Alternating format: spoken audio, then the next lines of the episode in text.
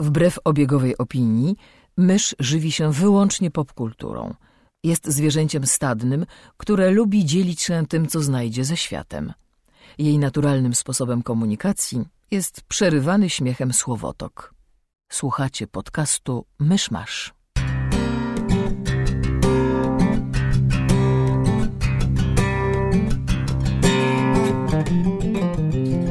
Drodzy słuchacze, jest poniedziałek, 20 kwietnia 2020 roku, rocznica lądowania na Księżycu. Zapraszam do 252 odcinka podcastu Myszmasz. Cześć, jestem Krzysiek Saran, a przy mikrofonach w innych częściach świata, a przynajmniej miasta, siedzi e, mysz Hello! i Kamil Borek. Jesus! A jeśli ktoś ma w głowie jakąkolwiek ciekawostkę na temat lądowań na Księżycu i teraz się w tę głowę drapie, bo robię mu z tej głowy wodę, w sensie z tego mózgu w tej głowie robię wodę, e, to oczywiście chodzi, nie chodzi o rocznicę pierwszego lądowania na Księżycu, tylko Apollo 16. Tak, tak. To ważniejsza rocznica. Nie mówię, że ważniejsza, po prostu.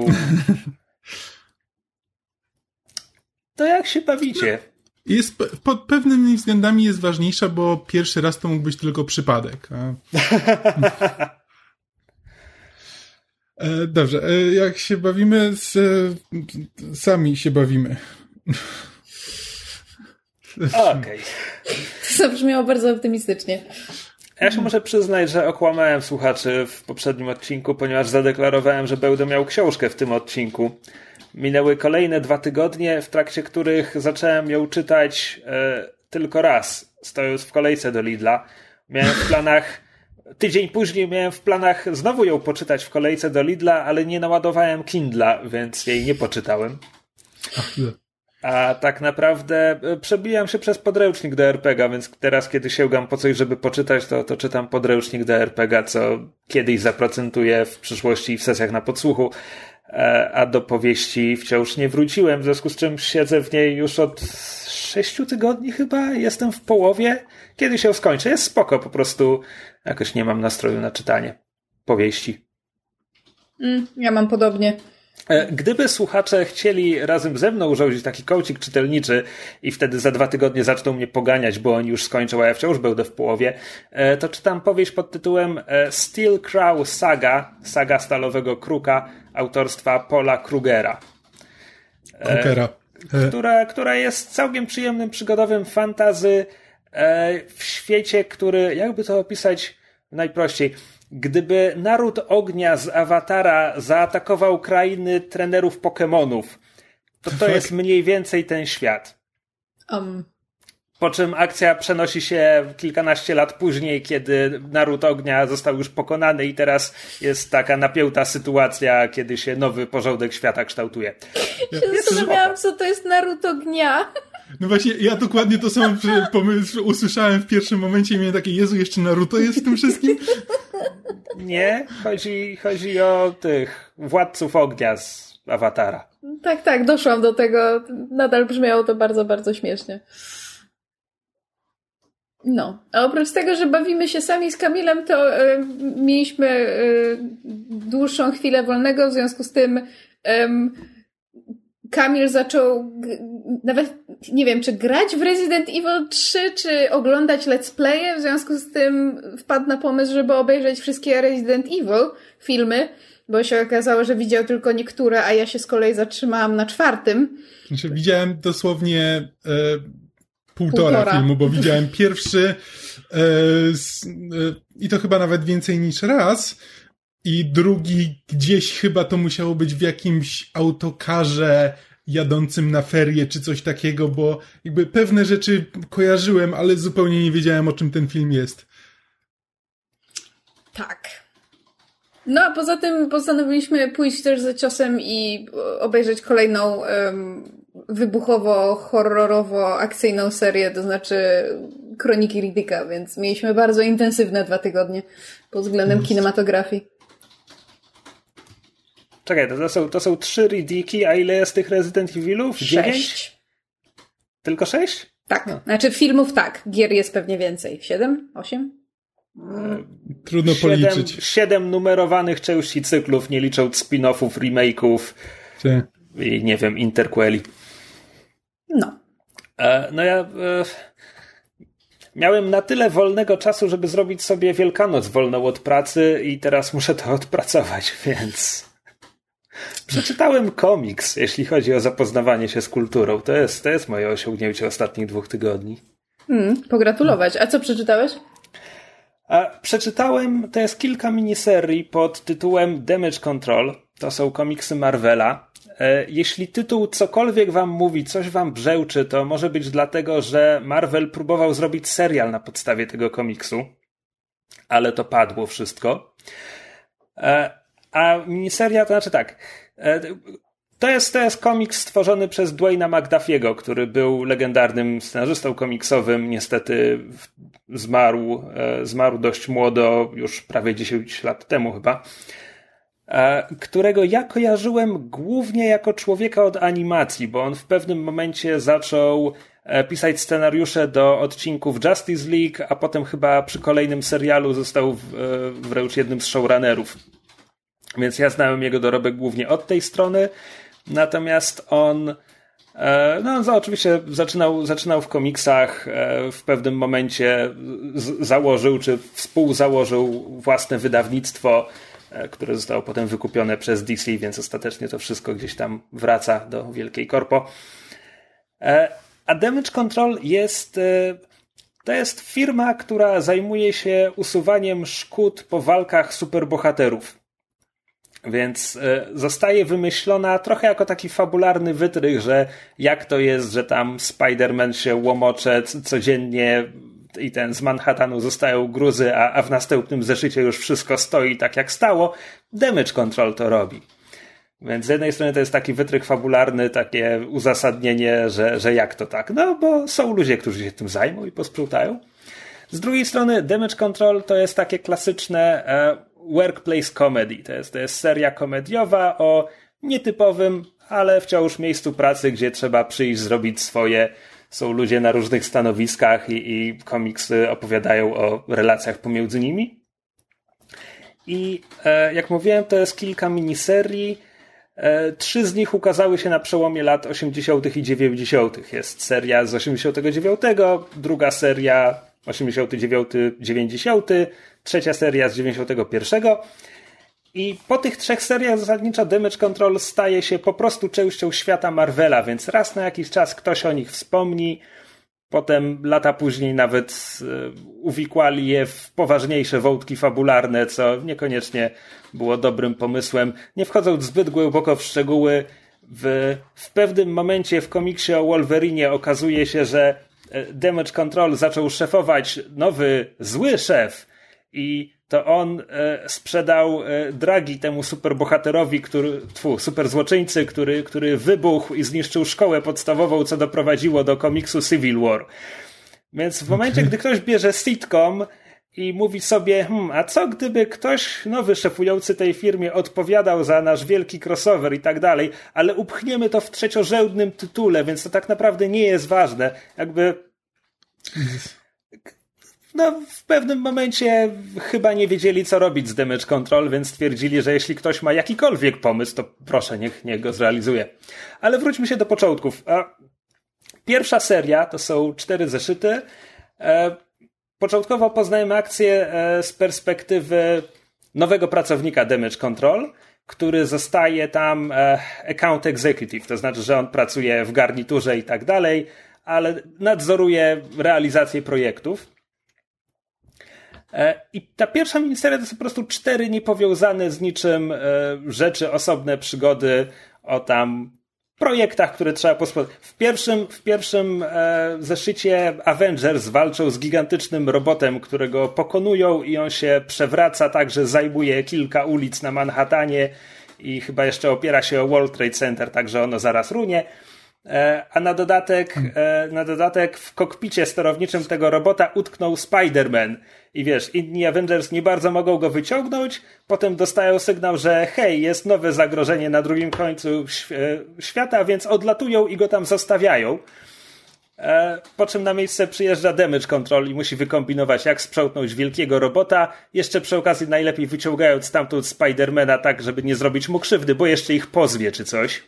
Jesus. E, I tutaj e, ja w tej, w tej pierwszej miniserii miałem wrażenie, że ten główny bohater, John Porter, znaczy nazywam go głównym bohaterem, bo z jego perspektywy początkowo poznajemy Damage Control. Natomiast Damage Control ogólnie jest o całej tej ekipie. To jest taki ensemble show, tylko że to nie show, tylko komiks. E, I ten Porter początkowo wydawał mi się takim nudnym punktem wejścia, bo on jest po prostu biznesmenem w garniaku i tak dalej. I dopiero po, po paru zeszytach za, e, załapałem, że on jest, że, że to są pozory, że on tak naprawdę ma w sobie taką żyłkę trochę królika Baxa, takiego trickstera, który e, wpada na niekonwencjonalne rozwiązania i na tym polega jego urok. E, poza tym w obsadzie mamy, nie wiem, inżyniera, który, który zapewnia damage control e, wynalazki do, do sprzątania tych wszystkich e, pobojowisk. Niektóre opierają się na technologii superbohaterów czy, czy superzłoczyńców. E, jest tam szefo, szefowa firmy, jest Robin Chappell, którą, którą poznajemy jako kierowniczkę, która ubiegała się o stanowisko Johna, ale go nie dostała, w związku z czym tam na początku jest taka antagonistyczna relacja między tą dwójką, która zamienia się w takie will won't they. E, I nie wiem, czy to ze względu na, na, na to, jak sam McDuffie prowadził takie wątki, czy może ze względu na to, że Marvel miał jakieś przepisy na przełomie lat 80. i 90., że nie wiem, e, seks bez zobowiązań jest, nie, nie, nie może tak być, bo w tym komiksie nie pada nic konkretnego na temat ich relacji, po czym 16 lat później ukazuje się czwarta miniseria, gdzie po prostu na pierwszej stronie jest tak, oni ze sobą sypiają i co z tego. E, I, I, mam takie, czy to Marvel się zmienił przez te 15 lat, czy, czy McDuffie się zmienił? Nie wiem, ktoś zmienił zdanie po drodze. No tak. W każdym razie to jest pierwsza miniseria. Cztery niepowiązane ze sobą przygódki. Druga miniseria pozostaje takim workplace comedy, ale wprowadza wątek e, fabularny spajający całą e, wszystkie cztery zeszyty bo tam pojawia się inna firma, która wykupuje damage control e, i zaczyna je, no zaczyna je rozwalać, tak jak to mamy, kiedy jest nowy zarząd, który nie rozumie na czym, na czym polega praca firmy, to zaczynają się wtrącać i tak dalej. Więc oczywiście jest takie, no, co możemy zrobić, żeby uratować damage control, żeby wszystko wróciło e, do, do starego porządku. I obie te serie obie te serie są przede wszystkim komedią, ale ta druga już skręca w takie trochę hmm, poważniejsze kierunki to za dużo powiedziane, ale na przykład byłem bardzo zaskoczony, gdy e, już w, drugiej, w drugim zeszycie okazuje się, że główny antagonista nie tylko jest złym turbokapitalistą, e, jest też turborasistą. I to taki, takim bardzo otwartym tekstem. Okay. Dwayne McDuffie był e, Afroamerykaninem, jeśli ktoś e, nie wie, więc zakładam, że. E, znaczy, mówię, po prostu zdziwiłem się, jak bardzo jest to otwartym tekstem. To nie jest sugestia, to nie jest jakiś tam. To jest bardzo prosto w twarz wręcz powiedziane. I kolejne dwie serie skręcają w jeszcze inne strony to jest wszystko dla mnie o tyle ciekawe, że zazwyczaj, kiedy autor wprowadza pomysł do Shared Universe, to potem przychodzą inni autorzy ze swoimi pomysłami i oni, i oni robią jakieś nowe rzeczy z tym wszystkim. A tutaj tak naprawdę McDuffie w każdej z tych czterech miniserii realizuje trochę inny koncept na Damage Control. Więc pierwsza miniseria są niepowiązane ze sobą przygody, po prostu komedia, spoko. Druga miniseria wciąż jest bardzo śmieszna, ale wprowadza ciągłą historię i trochę poważniejsze wątki. Trzecia miniseria skręca tak bardzo w stronę farsy, że już się trochę czyta jak, jak inny komiks. Znaczy trochę farsa, trochę parodia w ogóle komiksów superbohaterskich. E, I ona ukazuje się w 91. Potem mija 16 lat, albo 17, i gdzieś tam przed rokiem 2010 ukazuje się czwarta miniseria, o której istnieniu nie miałem pojęcia, bo ona została wciśnięta jako e, dodatek do wielkiego komiksowego wydarzenia, które akurat wtedy się działo w Marvelu, a właściwie to to jest dodatek do epilogu po tym wydarzeniu, w związku z czym wydano ją pod wpadającym w ucho tytułem World War Hulk After Smash Damage Control. Oh wow. I oczywiście Więcej tytułów nie mieli? I oczywiście jak jej szukasz na Marvel Unlimited, to nie znajdziesz jej pod D jak Damage Control, tylko będzie pod W jak World War Hulk, gdzie nie wpadłem na to, żeby szukać czwartej miniserii Damage Control. Jesus. Na szczęście, na szczęście jeden z słuchaczy skomentował na, na, na fanpage'u i mnie na nią naprowadził. E, I tutaj znowu zmieniamy koncepcję, bo tutaj sam McDuffie realizuje damage control na tyle na poważnie, na ile da się zrobić ten koncept, dopóki nie stwierdzi się, że oni będą odpowiadać za Civil War, tak jak zrobił to inny autor. E, czekaj, nie, ja, ja go nazwę z imienia i nazwiska. To był Mark Guggenheim, czyli producent tych wszystkich seriali Arrowa, Flasha i tak dalej. A, no e, tak. Który pisze tak niebywale przeciętne komiksy, że zawsze jestem zaskoczony, kiedy w internecie widzę, jak, jak ktoś chwali jego komiksy. I mam takie.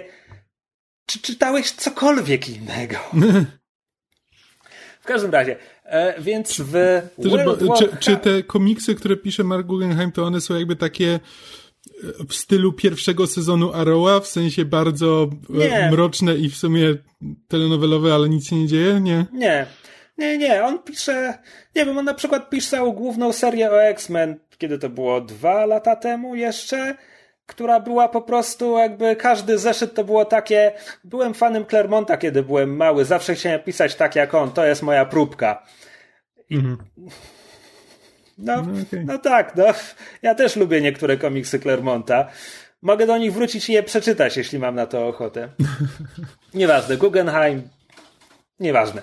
Zdarza mu się pisywać komiksy. Znaczy, ja jestem tym o tyle zaskoczony, że ten człowiek ma karierę w telewizji. Ludzie w telewizji zazwyczaj nie mają czasu, żeby wracać do komiksów, a on regularnie to robi. Najwyraźniej musi to kochać. No, szkoda, że nie robi tego lepiej. Ale nieważne. E, więc w czwartej serii McDuffie realizuje Damage Control jako część uniwersum Marvela, no bo w World War Hulk Hulk był zły i wrócił się mścić na paru osobach, ale przy okazji zemsty na paru osobach rozwalił spory kawałek Nowego Jorku. W sensie Nowy Jork został kompletnie ewakuowany, opuszczony, jest zasadniczo strefą wojny. No i Damage Control wchodzi i, i musi naprawić miasto. I to samo w sobie, jakby nie musisz czytać World War Hulk, żeby przeczytać tę miniserię. Bo masz powiedziane, Hulk zniszczył miasto, miasto trzeba naprawić, spoko. Ale potem McDuffie w tej miniserii odnosi się do każdego istotniejszego wydarzenia, które uwzględniało Damage Control w ciągu kilku ostatnich lat. To znaczy, była na przykład seria Roberta Kirkmana Irredeemable Ant-Man o, o frajerze, który kradnie nowy kostium Ant-Mana. Wiem, że to brzmi jak Scott Lang. To nie był Scott Lang, to był kolejny taki, jeszcze, jeszcze bardziej. E, znaczy, nie tylko jeszcze bardziej frajer, ale też jeszcze większy dupek. W sensie to Irredeemable w tytule zasadniczo w ramach tego tytułu było prawdą. To znaczy, to nie był człowiek, któremu można by kibicować. Można by co najwyżej jakby czytać jego przygody i czekać, aż w końcu odpowie za swoje. Więc w ramach tej serii ten nowy Ant-Man zaczął pracować dla Damage Control. I w tej czwartej miniserii jest do tego odniesienie. On się nie pojawia w tej miniserii, ale postaci jego wspominają w pewnym momencie. Jest też nawiązanie do tego, jak to ich poprzedni zły szef tak naprawdę tak jakby trochę odpowiadał za Civil War i Wolverine go zabił. I znowu, ta postać się tu nie pojawia, ale jest to wspomniane i jakby ja czytałem te komiksy albo czytałem o tych komiksach, w związku z czym miałem jakieś rozeznanie, no ale czytam teraz miniserię sprzed 15 lat i mam takie po cholerę to wszystko tu jest. To nie ma wpływu na tę historię. E, to jest oczywiście też krótko po Civil War, w związku z czym połowa zeszytu to jest, że Damage Control poprosiło o pomoc superbohaterów, więc wpadają Thunderbolts, którzy mówią, zaraz, jeśli tu są jacyś niezarejestrowani superbohaterzy, no to zaraz tutaj zrobimy łubudu. E, więc a przy tym wszystkim a przy tym wszystkim to wciąż jest komediowa seria, tylko oni pierwsze dwa zeszyty stoją na ruinach Nowego Jorku, a potem w trzecim zeszycie zaczynają się kłócić z budynkiem Chryslera, któremu wyrosły ręce i twarz i, i został świadomy. I to jest taki trochę nagła zmiana nastroju, tyle no. powiem. No tak, ale to chyba normalne w komiksach, że nie mogą się zdecydować na ton do końca. Um, nie? Nie? To znaczy. Nie? Nie bardzo wiem, jak na to odpowiedzieć. No nie, no jakby. No, no nie, no jak masz różnych bohaterów, no to w zależności od tego, kto ich pisze, to będą historie albo mroczniejsze, albo zabawniejsze, albo no, mogą się zmieniać tak. z. Tak, ja, ja, mów, ja mówię o czterech miniseriach, które wszystkie pisał jeden i ten sam autor, a co więcej, jakby to, że on próbował różnych podejść do damage control, ja biorę sobie za zaletę. To, że mhm. każda z tych czterech miniserii jest inna od trzech pozostałych, to jest zaleta tego tytułu dla mnie. To, że czwarta miniseria skacze między takimi nastrojami i no, to już nie jest zaleta, to już, no, okay. jest, no, to już wypada dziwnie. Jasne. Natomiast chcę jeszcze wspomnieć o rysunkach, ponieważ e, z dwóch powodów. Po pierwsze, dlatego, że rysownicy bardzo wpływają na, na klimat każdej z tych miniserii. I trochę się zastanawiam, czy sam e, McDuffie dopasowywał się do artysty, z którym akurat pracował, e, bo Damage Control pierwsze dwie miniserie rysuje Ernie Colon, który jest wymieniany jako współtwórca Damage Control razem z McDuffie, no bo on zaprojektował te wszystkie postaci. I Ernie Colon jest świetny. Znaczy, te dwie, te dwie pierwsze miniserie to jest jeden z najlepszych komiksów komediowych Marvela, jakie znam. E, pisałem o tym na fanpage, że jakby to są te dwie miniserie i e, Superior Foes of Spider-Man. To jest seria sprzed paru lat e, ze scenariuszem Nika Spencera i rysunkami Steve'a Libera. I Liber, tak jak Colon, czy obaj ci artyści mają niesamowite wyczucie czasu bo timing dowcipów w komiksach to jest coś strasznie skomplikowanego. Jakby można napisać zabawny komiks. Wciśnięcie bohaterom do ust zabawnych kwestii jest najprostszym sposobem, żeby napisać zabawny komiks. Oczywiście rysownik może to zarżnąć, to znaczy są rysownicy, którzy są, wiesz, legendą komiksu superbohaterskiego, ale nie potrafią oddać emocji i mimiki i potrafią zarżnąć zabawne dialogi, bo, bo postaci po prostu nie reagują tak, jak powinny. Ale jeśli artysta w miarę operuje mimiką, no to wystarczy, że scenarzysta napisze śmieszne kwestie i, i masz zabawny komiks. Ale żeby do tego dodać humor sytuacyjny, żeby zabawne rzeczy działy się tam wizualnie, to już jest potrzebne niesamowite wyczucie. Ja to nazywam wyczuciem czasu. Oczywiście każda strona komiksu jest stop klatką zamarzniętą w czasie, ale mhm. tu chodzi o wyczucie tego, ile narysować, co ma się znaleźć na panelu, a co ma być tylko implikowane dla czytelnika poprzez to, jak kolejny panel różni się od poprzedniego. To jest kwestia tego, czemu nie wiem, no jeśli, jeśli bohater stuka kogoś, stuka kogoś w ramię, żeby odwrócić jego uwagę, a potem ucieka, kiedy na tamtego spada walący się budynek. Jeden rysownik na, narysuje to tak, że będzie to naprawdę bardzo śmieszne, a wielu innych narysuje to po prostu tak, że tam się znajdzie wszystko to, co właśnie opisałem i my to sobie obejrzymy i powiemy sobie aha. I Ernie Colon jest rysownikiem z tego pierwszego sortu. Jest jakby naprawdę świetny.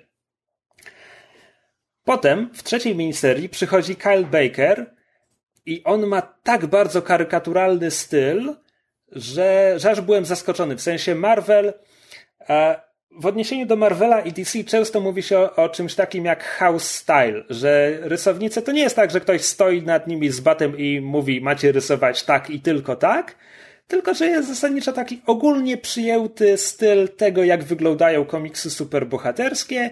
W ramach niego można jakby, są odstępstwa w lewo i w prawo i tak dalej, ale zasadniczo komiks superbohaterski no, wygląda w miarę poważnie, może trochę kreskówkowo. Ja, ja, tak, walki mają być widowiskowe i tak dalej, ale postaci jednak mają mieć proporcje i, i się ich trzymamy twarze zasadniczo mają się zachowywać jak twarze, nie, nie rozciągamy ich w karykaturalnych uśmiechach i tak dalej. No więc Kyle Baker nie rysuje w tym stylu. Mm. Kyle Baker rysuje stuprocentowo karykaturalnie i też parodystycznie, to znaczy kiedy w tej trzeciej miniserii pojawiają się superbohaterowie, to oni są, oni są hiperseksualizowani. Znaczy, bohaterki, dekolty bohaterek się dosłownie wylewają z ich kostiumów. E, męscy superbohaterowie, kiedy tam są, te, też ma, mają bardzo szerokie klaty, bardzo wydatne krocza i masz tak, to, to jest po prostu karykatura i dlatego jakby ta trzecia miniseria idzie dużo bardziej w stronę farsy w moim odbiorze. A potem ta czwarta miniseria, która jest częścią w miarę poważnego eventu i tak dalej, to rysuje Salva Espin i to jest już dla mnie właśnie definicja tego, czym jest house style, a przynajmniej jaki był house style Marvela te 10 lat temu. E, no bo to jest już po prostu ci ludzie wyglądają jak ludzie, zachowują proporcje. Kropka. Tyle. I też jest to jest bardzo dziwne widzieć postaci zaprojektowane na przełomie lat 80. i 90., narysowane potem niemal 20 lat później. E, I niektóre z nich tak jakby zachowały stylówę swojego oryginalnego wyglądu, no bo to jest ich design. Jeśli zmienimy im strój i fryzurę, to nagle przestaniemy rozpoznawać postać. E, więc znowu trochę to nie pasuje tak naprawdę. E, plus Salva Espin, jeśli chodzi o, o humor sytuacyjny, to on nawet nie próbuje. Znaczy, to są ładne rysunki, po prostu nie, nie szczególnie. Warstwa graficzna nie wnosi nic więcej do komiksu. A jakby kolon wnosił bardzo dużo do tych pierwszych dwóch miniserii. To jest chyba wszystko, co chciałem powiedzieć o tym projekcie. Cztery miniserie, dwie pierwsze polecam, jakby z całego serca są super. Trzecia i czwarta trochę bardziej jak ktoś chce poznać wszystko, e, czy przynajmniej wszystko, co Dwayne McDuffie napisał z tymi bohaterami. E, gdzie to można przeczytać? Marvel Unlimited. Wszystkie cztery tam są. E, prawdopodobnie są jakieś wydania w druku, ale teraz i tak nikt nie rozwozi komiksów, więc um, no. Tak, więc wszystko jest w cyfrze.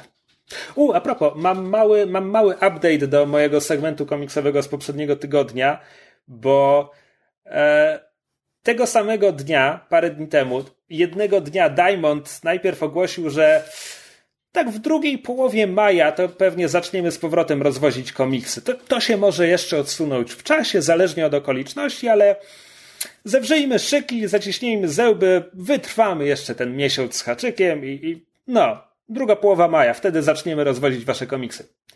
Tego samego dnia komunikat prasowy DC.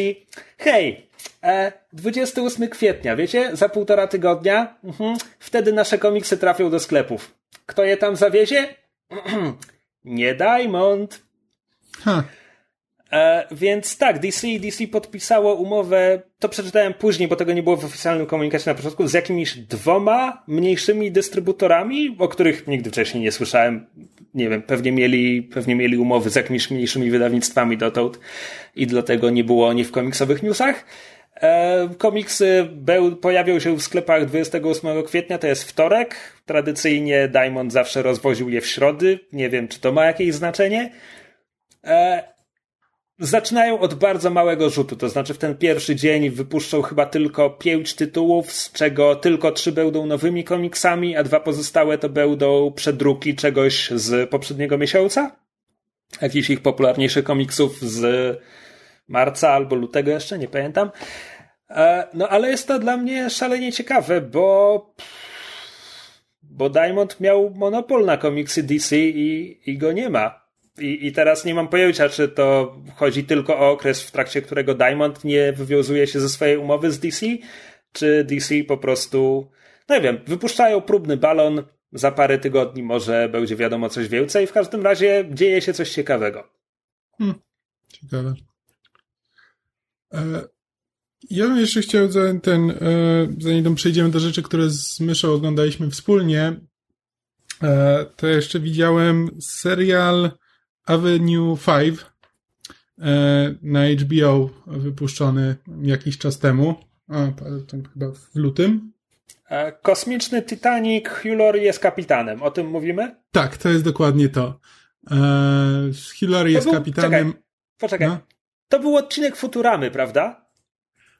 mniej więcej tak. By, by, było coś bardzo podobnego.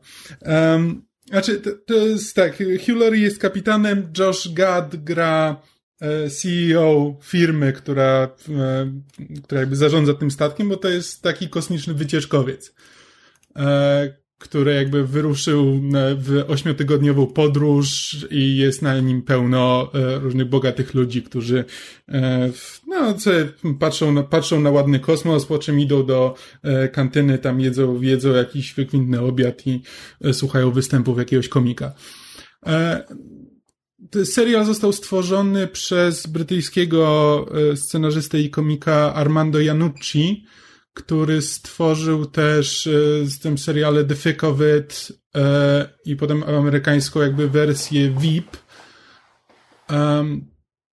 I tam jeszcze w latach 90. pisał tego Alana Partridge'a. E, I jakby cały serial ma bardzo, ma bardzo jakby taki brytyjski e, styl e, komedii. E, fabuła jest taka, że w wyniku kosmicznego wypadku E, ten wycieczkowiec zostaje zepchnięty z mm, jakby, or, znaczy nie orbity, jak to się nazywa, trajektorii, jakby po której miał e, dążyć, więc zamiast wrócić w ciągu 8 tygodni, e, będzie musiał, będzie dryfował w przestrzeni przez 3 lata.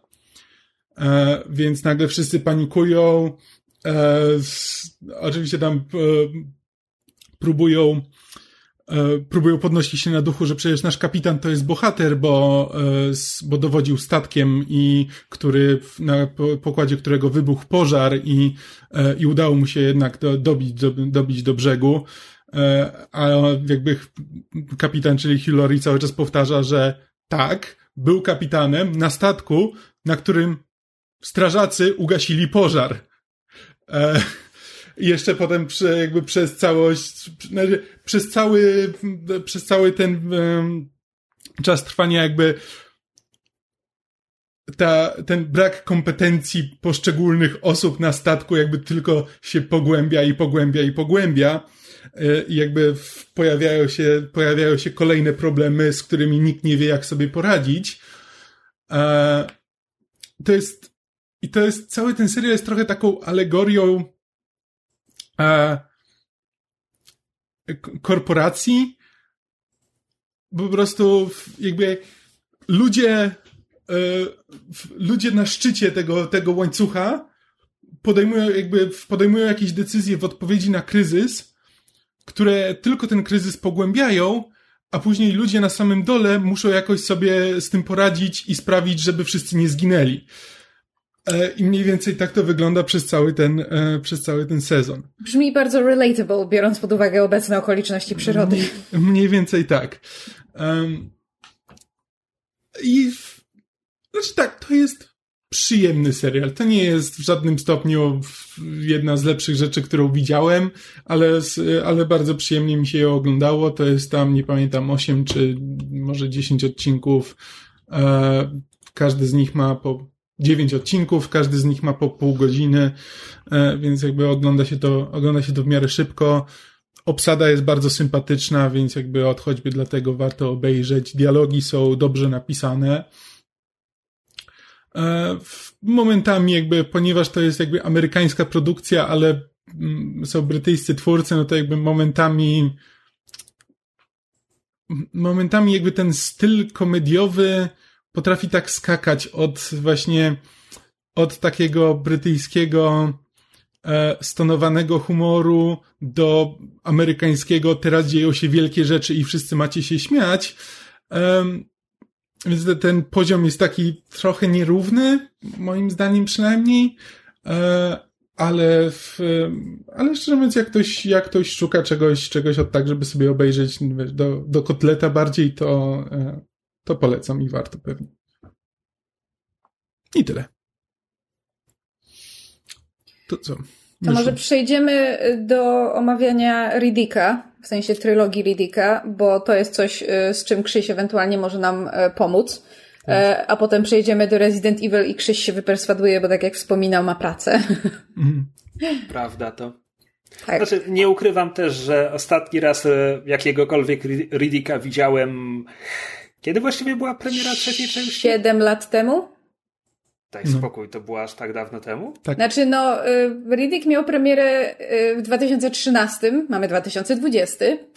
Um, I sprawdziłam, e, omawialiście Riddicka um, w odcinku 23 podcastu Myszmasz, czyli 229 odcinków temu. We're old. Ale, ale omawialiśmy go. Dobrze pamiętałem. Tak, co prawda Kamil był święcie przekonany, że ja byłam z wami na tym w kinie. Yy, nie. A to akurat pamiętałem, że ciebie tam nie było. Tak, co jest. Yy, znaczy, ja pamiętam, że, że, że zastanawiałam się, czy pójść, ale ponieważ moje podejście do Riddicka było takie, że um, obejrzałam Kroniki Riddicka, w sensie drugi film, jak, jak wychodził w kinie, nie znając Pitch Black, w ogóle nie wiedząc, że to jest drugi film z jakiegoś większego świata i niewiele zrozumiałam, to miałam taką myśl na zasadzie, że o, że to nie będę szła na Riddicka, to obejrzę kiedyś Pitch Black i potem obejrzę całą serię hurtem, no i nigdy się do tego nie zabrałam, aż do teraz. Okej, okay, ja mam tylko drobną uwagę, w sensie można spokojnie obejrzeć Kroniki Riddicka nie znając Pitch Black, bo te dwa filmy mają niewiele wspólnego. Tak, znaczy z jednej strony nie żałuję, w sensie to nie jest tak, że, że kompletnie nie zrozumiałam Kronik Riddicka i w związku z tym miałam jakieś, jakieś yy, wielkie problemy.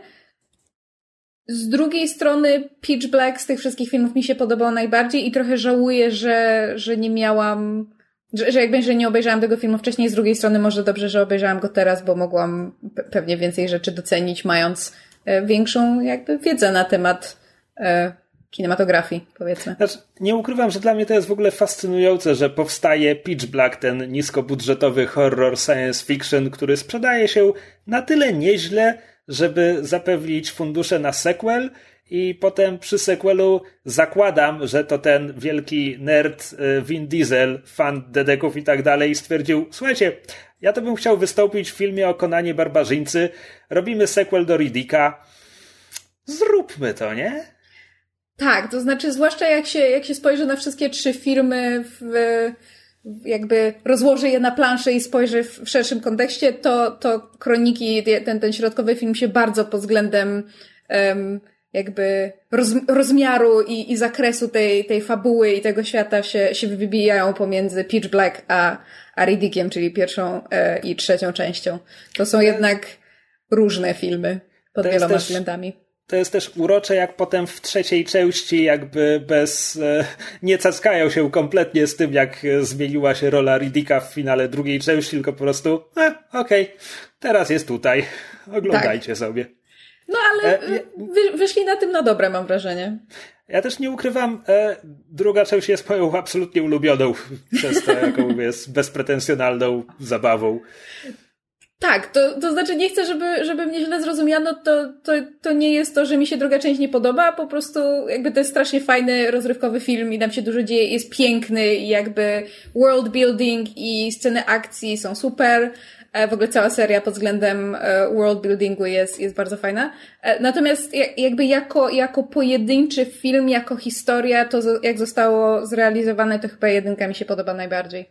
Jakby jest najbardziej spójna, z drugiej strony to jest, ja ten film widziałam po raz pierwszy i mam wrażenie, że czasami właśnie wracanie do takich um, nazwijmy to kameralnych, um, trochę niezależnych um, filmów w, w kontekście współczesnych blockbusterów wychodzi na dobre, bo, bo czasami właśnie takie kameralne filmy potrafią mieć więcej do zaoferowania. Tak. A jednocześnie dwójka Dwójka jest filmem, w którym Vin Diesel gra zasadniczo Konana Barbarzyńcę w kosmosie, dzieli sceny z Tandy Newton, która gra kosmiczną Lady Macbeth, a nad tym wszystkim gdzieś unosi się Judy Dench jako duszek. No tak, no jest jeszcze, e, e, chciałam powiedzieć, hamletyzujący, magbetyzujący Karl Urban jako Lord Waco, co też jest e, miłe oczom i uszom. Ja się w ogóle zastanawiam, czy jakikolwiek inny aktor może startować do Karla Urbana, jeśli chodzi o takie e, e rezumé filmów sci-fi, fantasy i tak dalej. Bo oczywiście są ludzie, którzy pojawili się tam w dwóch Marvelach i jakimś fantazy czy coś tam, ale Karl Urban po prostu jest, jest wszędzie. No. jest niesamowite. I to, no. I to jeszcze często, i to często na pierwszym, drugim planie, nie że po prostu przyjął rulkę na pięć minut. No, słuchaj, znalazł sobie takie emploi i, i świetnie sobie w nim radzi, nie? Nie, ja go, ja go uwielbiam, on jest fantastyczny. Znaczy, umówmy się, wiele z tych filmów nie daje mu wiele do zagrania.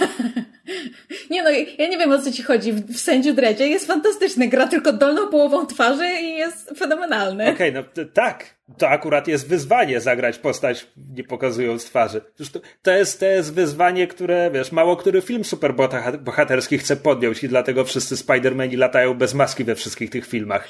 No tak. Wiesz, jak w komiksach. Ale czekaj, może, może y, omówmy chociaż y, oględnie y, fabułę tych filmów, w sensie o co w nich chodzi, bo nie wszyscy mogą kojarzyć o co w nich chodzi, tak jak na przykład ja. Zacznijmy, zacznijmy też od strony twórców, bo wy je macie na świeżo. Wszystkie trzy reżyserował David Tłochy? tak. Tak. Czy ten człowiek wyreżyserował cokolwiek innego kiedykolwiek? Ja go znam tylko z Riddicków. Znaczy, e, trochę tak, E, znaczy, on dużo więcej rzeczy napisał niż wyreżyserował. E, tak naprawdę, bo jakby reżyserował głównie właśnie Riddiki. E, no ale z, był scenarzystą przy takich filmach jak Critters 2, e, ale też Ścigany z Harrisonem Fordem. E, tam był scenarzystą. Waterworld. G.I. Jane. Okej. Okay. Ciekawa. Jeszcze parę innych kariera. rzeczy, ale to takie. Znaczy, myśmy z Kamilem doszli do wniosku, że po prostu dla niego Riddiki, znaczy albo został po prostu niechcący zaszufladkowany jako ten gość od Riddika, w związku z tym jakby jak, jak reżyserował filmy, to tylko związane z Riddikiem, albo po prostu to jest jego passion project i to jest jedyne, co on chciał robić. Znaczy, to, to jest totalnie ich passion project, przecież oni wciąż walczą o czwarty film. Ja bardzo, tak. ja bardzo bym chciała, żeby zrobili czwarty film, bo jak zobaczyłam wczoraj finał tego trzeciego Riddika, to miałam takie ale kurwa co? Bo on się kończy tak bardzo w środku historii. Więc tak, ja liczę na to, że będzie czwórka. Ale wróćmy do jedynki. Wróćmy do Pitch Black. Ha! E, przepraszam, ale właśnie tak patrzę na stronę Davida Tłochiego i on też napisał wczesny ten draft e, scenariusza do Aliena trzeciego. Ha!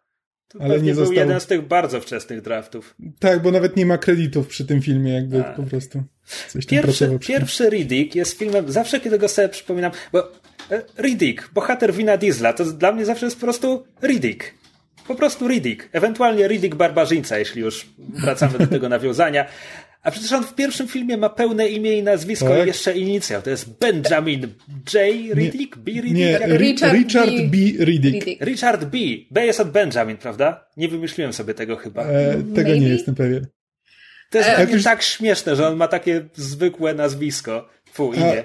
A, e, skoro jesteśmy przy, przy imionach, dziwnych nazwiskach, to wiecie jak naprawdę nazywa się Vin Diesel? Kiedyś wiedziałem. Mark Sinclair. O, bless. Co by... Tak, znaczy... Nic dziwnego, że on ma taką karierę. Czy wyobrażacie sobie karierę Wina Diesla, gdyby nazywał się Mark Sinclair? Oj. Kino klasy Z all the way down. E... W przeciwieństwie do Wina Diesla. Nie no, właśnie chodzi mi o to, że jakby Mark Sinclair to brzmi bardziej jak jakaś gwiazda e, Hollywoodu z lat 70., a nie ten Dominik Toretto porozumiewający się głównie niskimi tonami i chrząknięciami. Wiesz co, ja myślę, że to tu chodzi tylko o jedno. Mark Sinclair powinien mieć e, grzywę bujnych loków. Też prawda. XVII-wieczny poeta. Dokładnie. Ale wracając. wracając, tak. tak. Um, więc biorąc pod uwagę, że ja pierwszy raz obejrzałam Pitch Black trzy dni temu, e, to muszę powiedzieć, że miałam bardzo silne skojarzenia z e, powiedzmy klimatami a la Firefly, to znaczy to jest ten, to jest ten kosmos i to science fiction, ale to wszystko jest takie lived in, czyli jakby zużyte, brudne, y, spocone, zakrwawione i, i jakby widać, że to jest kosmos, w którym, w którym toczy się życie, to nie jest, to nie jest y, high-tech i nie tylko dlatego, że jakby Pitch Black w tym momencie ma równo 20 lat, bo wyszedł w 2000 roku, więc jakby poziom technologii wtedy był, był inny, ale po prostu ten kosmos jest, no jest y, stary i wyświechtany i w tym tkwi jego urok. No i w Pitch Black mamy, um, fabuła sprowadza się do tego, że jest sobie e, komercyjny e, okręt kosmiczny, który tam leci z punktu A do punktu B, na, na pokładzie którego są e, pasażerowie, którzy po prostu się na niego zaokrętowali. I on niechcący wypada z, z właśnie ze swojej trajektorii w wyniku tam jakiegoś, nie wiem, deszczu meteorytów czy jakiegoś wypadku. I zostaje ten, rozbija się na, na bezludnej planecie. I nasi, nasi właśnie bohaterowie, grupa składająca się z, z ludzi z różnych jakby um, sfer życia e, i, i, różnych charakterów, musi e, sobie poradzić i spróbować się z tej, e, z tej planety jakoś uratować.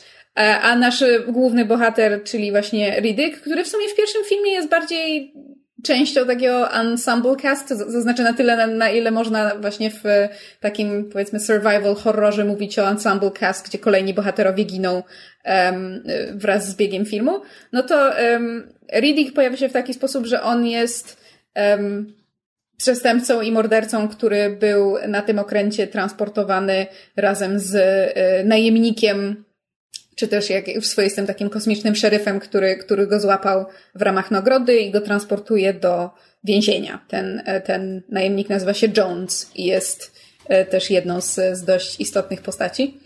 Zresztą e... nawet jak tam w trakcie trwania filmu giną kolejne postaci, to nawet w finale Riddick jest tylko jednym z pary głównych bohaterów dwójki. Mhm. Tak. Um, i to, co mi się w jedynce bardzo podobało i żeśmy z Kamilem bardzo szybko to zauważyli, to jest to, że jak... Znaczy właśnie ta, ta taka kameralność tego filmu bardzo moim zdaniem się w tym um, ujawnia, to jest to, jak szybko ci bohaterowie są zarysowani. I to zarówno pod względem jakby tego, kim są, jakby nie wiem, z zawodu, czy z pochodzenia, czy z przekonań, ale też właśnie jaki mają e, charakter, jak się odnajdują w tej sytuacji, e, jakie relacje się między nimi bardzo szybko e, nawiązują, biorąc pod uwagę, że, że mieli tylko razem e, podróżować przez kosmos i to przez większość czasu, e, że tak powiem, w, w kriośnie, e, czyli, czyli uśpieni w trakcie podróży kosmicznej. I byłam, autentycznie byłam szczerze zaskoczona jakby o Pitch Black, tylko zawsze słyszałam w kontekście jakby Riddicka jako serii, a mając właśnie w głowie kroniki Riddicka, czyli tego epickiego Konana w kosmosie, to, to nie bardzo wiedziałam, czego się spodziewać po Pitch Black. I fakt, że to jest taki właśnie kameralny horror, w bardzo dużej mierze skupiony na E, relacjach między postaciami, to jak one się rozgrywają, jak oni się odnajdują w tym, w tym dramacie i w tej sytuacji, gdzie muszą e, za wszelką cenę przetrwać, jednocześnie współpracując ze sobą, wystawieni na niekorzystne warunki e, planety, na żyjące tam potwory, bo oczywiście bez nich się nie może obejść żaden szanujący się horror, nie tylko w kosmosie. Elementy tego, że muszą rozwiązać jakby tajemnice tej planety, na której wylądowali, co się tam wydarzyło, dlaczego jest bezludna, że w ogóle są tam jakieś potwory, które im zagrażają i że goni ich czas, że, że ma jakby jest, jest e, na ich życiu jest, jest taki timer, który, który niedługo się, się skończy. W sensie czas na tym timerze się skończy. Wow, dobre zdanie, Myszu. Um, i, I autentycznie byłam, byłam miło tym filmem zaskoczona. Jest strasznie fajnie nakręcony pod względem e, jakby wizualnym, to znaczy to, że on jest właśnie taki mocno prześwietlony ze względu na to, że ta planeta ma dwa słońca o różnych kolorach. Jedno jest, jest um, ciepłe, a drugie jest takie zimne, błękitne światło. W związku z tym cały, cały film na zmianę jest w tym takim um, już wyświechtanym do granic możliwości um, ten e, turkusowo-pomarańczowym e, kolorycie, co mnie szalenie rozbawiło, biorąc pod uwagę, jak to się zrobiło popularne w późniejszych latach. E, I to jest naprawdę fajny, sympatyczny, mały taki action horror z naprawdę fajnie zarysowanymi postaciami. No i oczywiście z jednej strony Riddick jest tym e, mordercą, e, prawda, e, transportowanym do więzienia, którego wszyscy się boją i on na pewno nas wszystkich zabije, a z drugiej strony wiemy, że za tym kryje się coś więcej. To, to jak właśnie też Vin Diesel pięknie, czasami bez słów odgrywa pewne, pewne um, jakieś takie wewnętrzne e, myśli swojego bohatera, czy, czy, czy bez słów pewne, pewne rzeczy pokazuje, są, są bardzo, bardzo fajne. Znaczy tak, w ogóle jakby Znaczy to dziwnie, znaczy to już tak nie robi takiego wrażenia obecnie, bo jakby wiemy, że Riddick jest bohaterem całej serii jakby filmów, ale jakby oglądając to w, bez, bez jakby tej wiedzy, to musiało być jakby ciekawe, że jakby Riddick był właśnie pokazany jako, jako ten zły i w ogóle jakby początek filmu wygląda tak, jakby to on miał być głównym zagrożeniem. Mhm. I później dopiero, później dopiero się okazuje, że, w, że tak naprawdę, no to jakby on wciąż nie jest, nie jest jakby pozytywnym bohaterem, e, no ale jakby też chce, chce to przetrwać, więc przy okazji pomaga też innym. E, I cały czas jest taka, a jeszcze przy tym jakby ten Jones, który go transportuje, ten szeryf, jakby też jest cały czas pokazywany. Z jednej strony właśnie zaczynamy jako, jako ten dobry e, właśnie kosmiczny szeryf, no ale potem coraz bardziej jakby się przekonujemy, że to, to nie, nie, nie wszystko jest e, takie proste.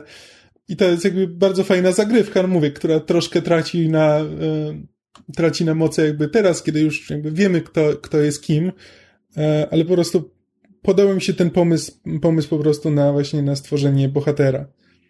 Mm, tak. No a potem y, przechodzimy do kronik Riddicka, w sensie y, filmu pod tytułem The Chronicles of Riddick, czyli części drugiej, gdzie, tak jak już Krzysiek y, słusznie wspomniał, mamy wielkiego, epickiego, pełnego akcji Konana w kosmosie bez żadnego wstydu. I jest to piękne i cudowne i ciepło się robi na serduszku, że chłopcy po prostu chcieli się dobrze bawić, wynaleźli skądś ogromny budżet i powiedzieli, tak, robimy, kurde, space operę e, z, z kosmicznym Konanem i, i będziemy się przy tym dobrze bawić. I ja się Ale przy tym to, filmie świetnie bawię. To, to, jest, to jest też piękne, jak oni wzięli ten niskobudżetowy, kameralny horror sci-fi i w drugim filmie dobudowują do niego cały, cały lore, całą tę mitologię, różne gatunki kosmitów, e, przepowiednie, e, zaświaty. Tak. Esk eskalacja od pierwszego do drugiego filmu po prostu nie, tak. nie, wiem, nie wiem, co może się równać z tym, z tym skokiem z Pitch Black do, do Riddicka? Jaka inna seria wykonała taką woltę? Tak, a przy tym w ogóle film nie jest zainteresowany jakby wprowadzeniem powoli e, widzów w ten świat. Jakby po prostu zaczynamy od ekspozycji, że patrzcie, tu są nekromongerzy, którzy są trochę żywi, trochę nieżywi i podbijają całe światy, zamieniając je w, e, e, transformując ludzi albo niewoląc ich. I po prostu nie ma żadnego, wiesz, nie zaczynamy od Riddicka, od czegoś, po prostu zaczynamy od tego, że po prostu tutaj się, tutaj się dzieją wielkie kosmiczne rzeczy i, i tyle. I zapomnijcie o Pitch Black. Z tą przepowiednią, że Lorda Marszala, że, że jego zguba może przyjść tylko z rełki Furianina, to mi tylko brakuje w finale żeby można to było, żeby można było z tego stworzyć jakąś sytuację, w której, w której mielibyśmy paralele do e, I'm No Man Eowiny. Jakby to jest jedyne, czego w tym filmie brakuje. Tak, Tylko znaczy, nie wiem, jak zbudować ten dialog, żeby miał choć na miastkę sensu. Znaczy, praktycznie można by było tak samo, gdyby nie to, gdyby jakby film nie mówił nam od początku, że Riddick jest Furianinem, czy albo, nie wiem, wspominał o tym, że Furianie istnieją i tak dalej, jakby i, I gdyby ta przepowiednia brzmiała właśnie tak, że Lord Marshall nie może zginąć z ręki człowieka, ale Riddick nie jest człowiekiem, Riddick jest Furianinem. Tan, tan, tan. Tak, znaczy to, co ja, ja bardzo, bardzo doceniam w, w dwójce, to jest jakby właśnie ten, ten ogromny rozmach i przede wszystkim ten, ten world building, ale nie w sensie, nie, nie, niekoniecznie w sensie właśnie tego całego loru i infodumpu, który nam y, film od początku zrzuca na głowę właśnie z nekromongerami, czyli z tą, z tą rasą kosmicznych najeźdźców, którzy próbują wszystkich nawrócić na, na swoją y, wiarę skupioną na, na śmierci, na właśnie jakimś transcendencji i przechodzeniu od jednego stanu do drugiego. Um, ale bardziej taki world building pod względem designu, dlatego że ten film jest śliczny, to znaczy te, te, jakby te design tych statków kosmicznych nekromongerów i te, te zbroje, które oni noszą i te stroje, które właśnie nosi e, postać e, Lady Wako grana przez Sandy Newton jako, jako jedna właśnie ze szlachty nekromongerów. No to jest po prostu wszystko śliczne. Nawet, nawet przecież design tego, więzienia na krematorii, do którego w pewnym momencie e, trafia, trafia Riddick i, i część naszych bohaterów i z którego potem e, mamy ten prison break e, i ucieczkę przez, przez palącą się w słońcu planetę. No to jest wszystko strasznie fajnie zrobione. I po prostu naprawdę ładnie wygląda. Ten środkowy akt z więzieniem jest chyba moim ulubionym z całego filmu. I jak tak sobie teraz o tym myślę, to kurczę. Kroniki Riddicka są lepszymi strażnikami galaktyki niż strażnicy galaktyki?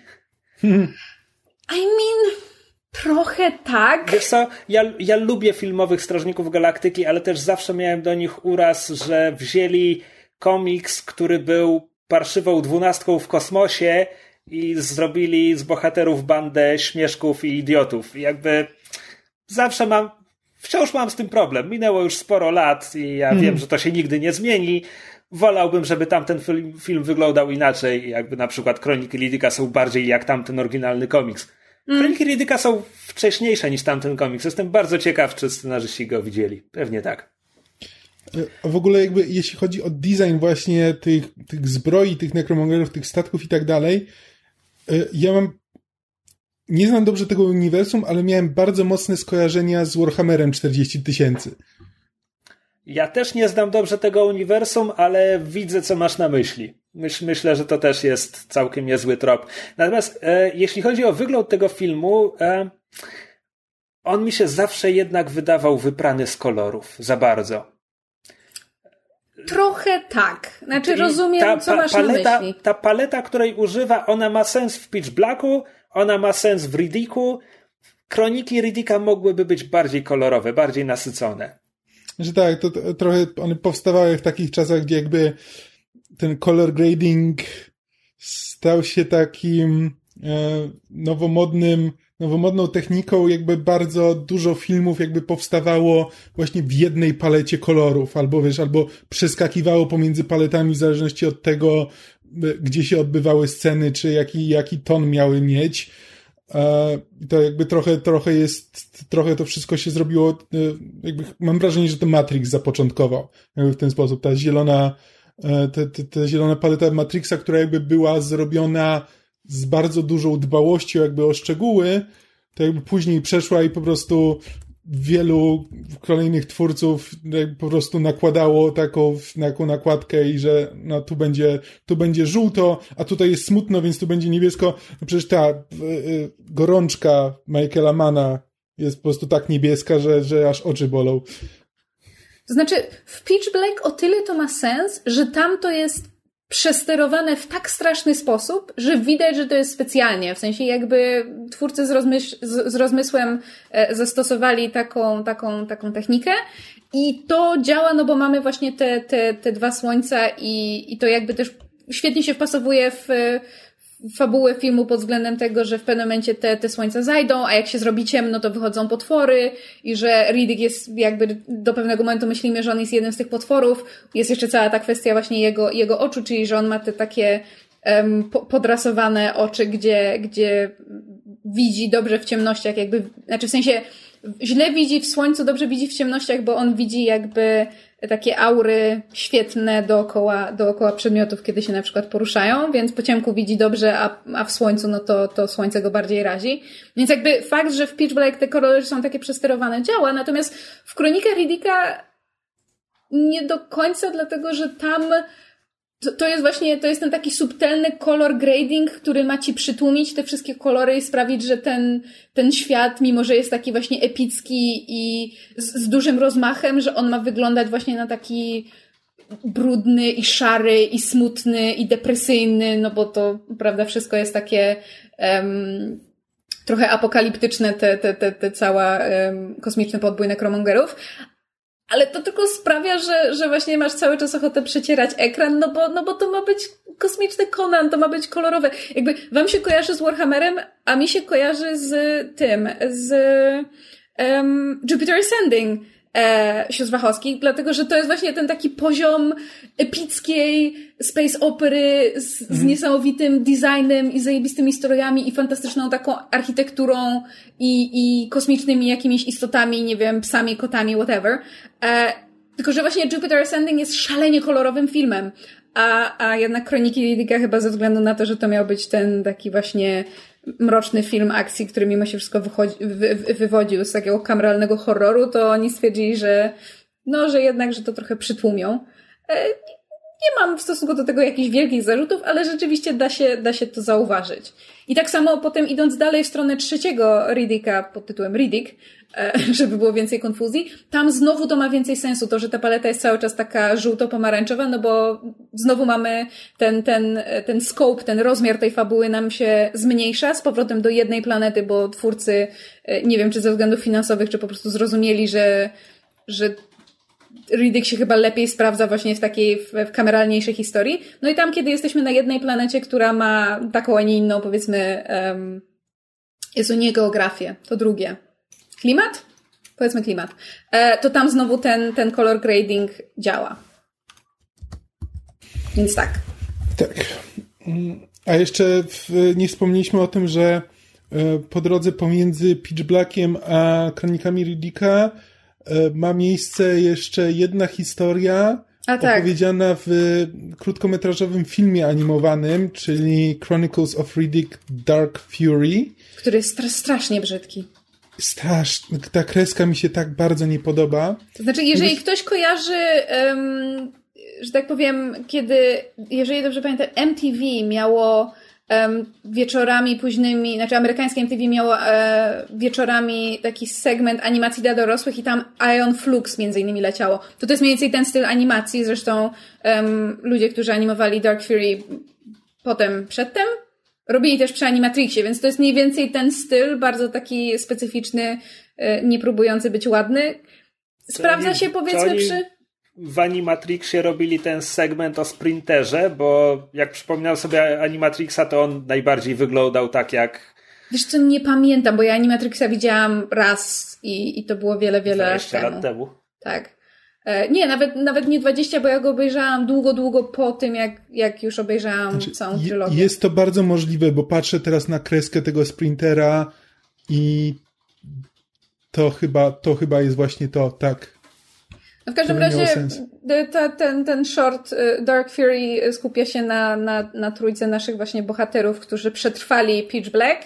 E, no i jakby też wpadają w, w pułapkę jakiś tam, znaczy zostają złapani przez jakichś najemników, oczywiście, e, którzy chcą ich tam, nie wiem, e, zabić, zjeść, nieważne i, i, i Riddick pomaga im się uwolnić nie jest to bardzo istotne fabularnie. O tyle może być ważne, że tam się po raz pierwszy pojawia postać Tombsa, czyli właśnie najemnika, który w, w otwarciu Kronik Riddicka, czyli drugiego filmu z serii, ściga, ściga Riddicka i potem przez, przez resztę filmu go tam um, podgryza, w sensie goni go i ściga i, i, i próbuje go złapać albo sprzedać właśnie w tym, tak, w tym właśnie w tym jest problem, że właśnie chciałem obejrzeć ten film, że może może jakby to były takie czasy właśnie znowu po Matrixie, po Animatrixie, kiedy e, pojawiały się różne eksperymenty e, crossmediowe, że teraz zrobimy jakby serię filmów, ale przy okazji będzie też komiks i pewne rzeczy z tego komiksu będą później się pojawiały w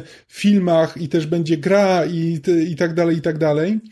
Więc jakby sobie pomyślałem, że okej, okay, no to obejrzyjmy to Dark Fury, może wtedy, może to służy jako to takie wprowadzenie i ten pomost pomiędzy Pitch Blackiem a kronikami Riddicka, które by jakby tłumaczyło trochę te, ten rozdźwięk pomiędzy tonami obu filmów. Nie.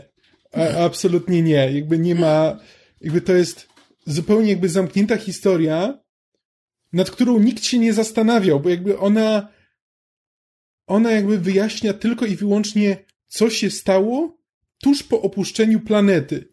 Więc jeśli bardzo się zastanawialiście, czemu w ciągu tych czterech lat, znaczy po czterech latach, które minęły pomiędzy Pitch Blackiem a kronikami Riddicka, Riddick nie ma tego statku, z którym, którym wyleciał, to, to, to wam wyjaśni ta animacja, ale raczej nikt się nad tym nie zastanawia. No i właśnie jedyna postać, która jakby e, powraca, to jest ten Tooms, który tak naprawdę w tym filmie działa jako E, po prostu bezimienny najemnik. To nie jest jakiś wielki antagonista, on jest, on jest absolutnie pobocznym, poboczną postacią w całej tej historii jakby nie ma większego dla niej znaczenia.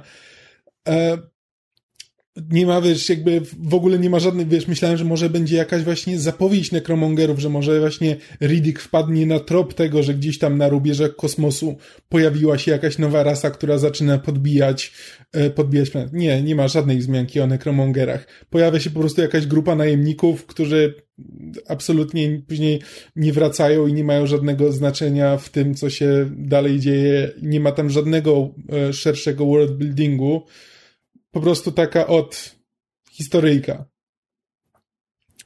Ja bym jeszcze dodał o kronikach, że e, bardzo lubię muzykę z tego filmu, a to, co ja uważam za motyw przewodni, chociaż nie wiem, czy nie wiem, czy to jest oficjalnie motyw przewodni Riddicka, e, to jest w ogóle kilka moich ulubionych taktów z muzyki filmowej. One w kronikach wybrzmiewają chyba najwyraźniej w utworze, on się nazywa bodajże One Speed.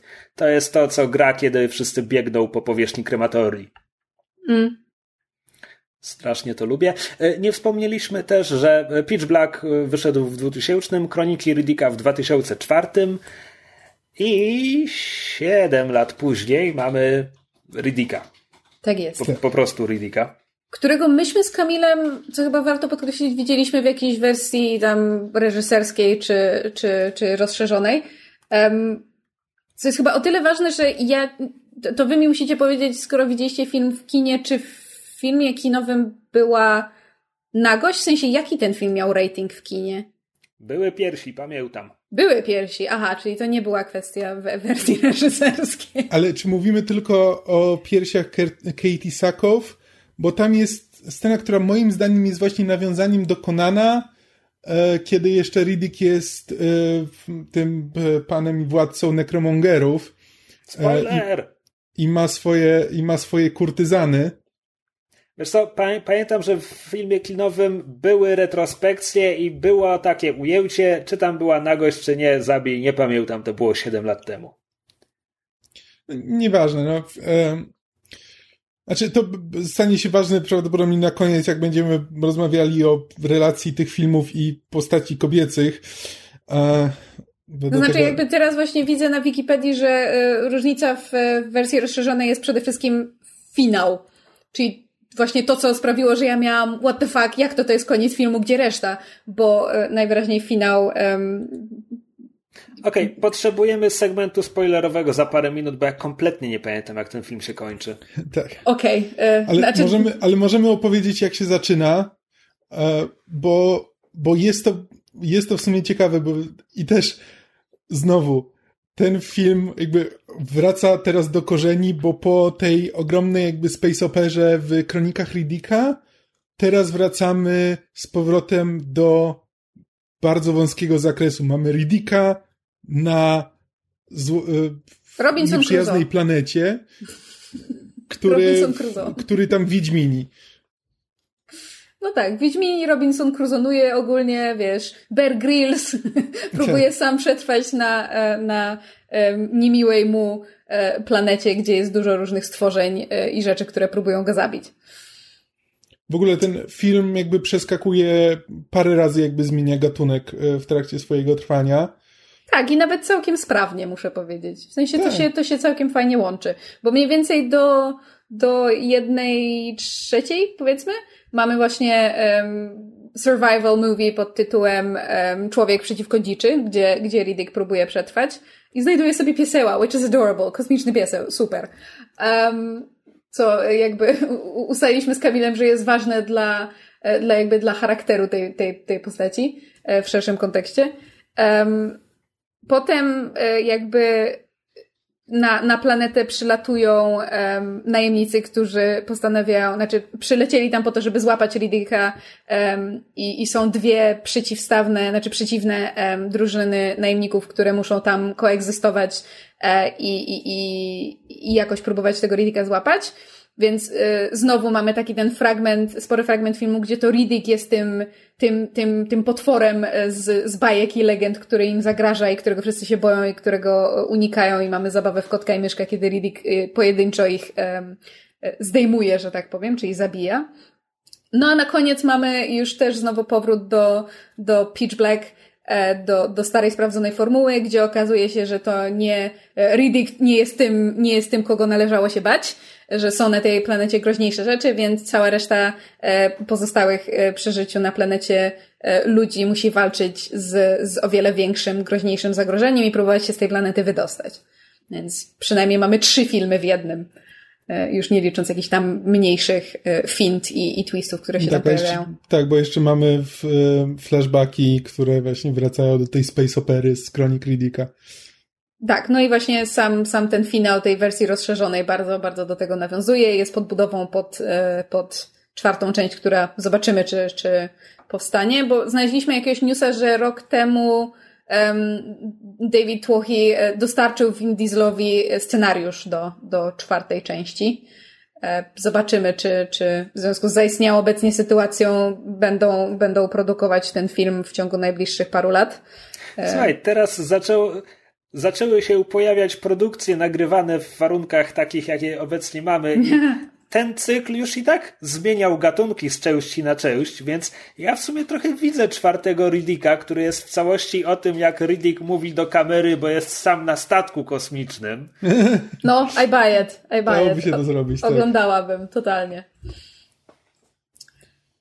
To co, to może tutaj będzie sygnał spoilerowy i wy mi przypomnicie, jak ten film się kończy, a przynajmniej, czekaj, ja nie widziałem wersji reżyserskiej, więc to, co mi przypomnicie i tak nie będzie miało dla mnie sensu.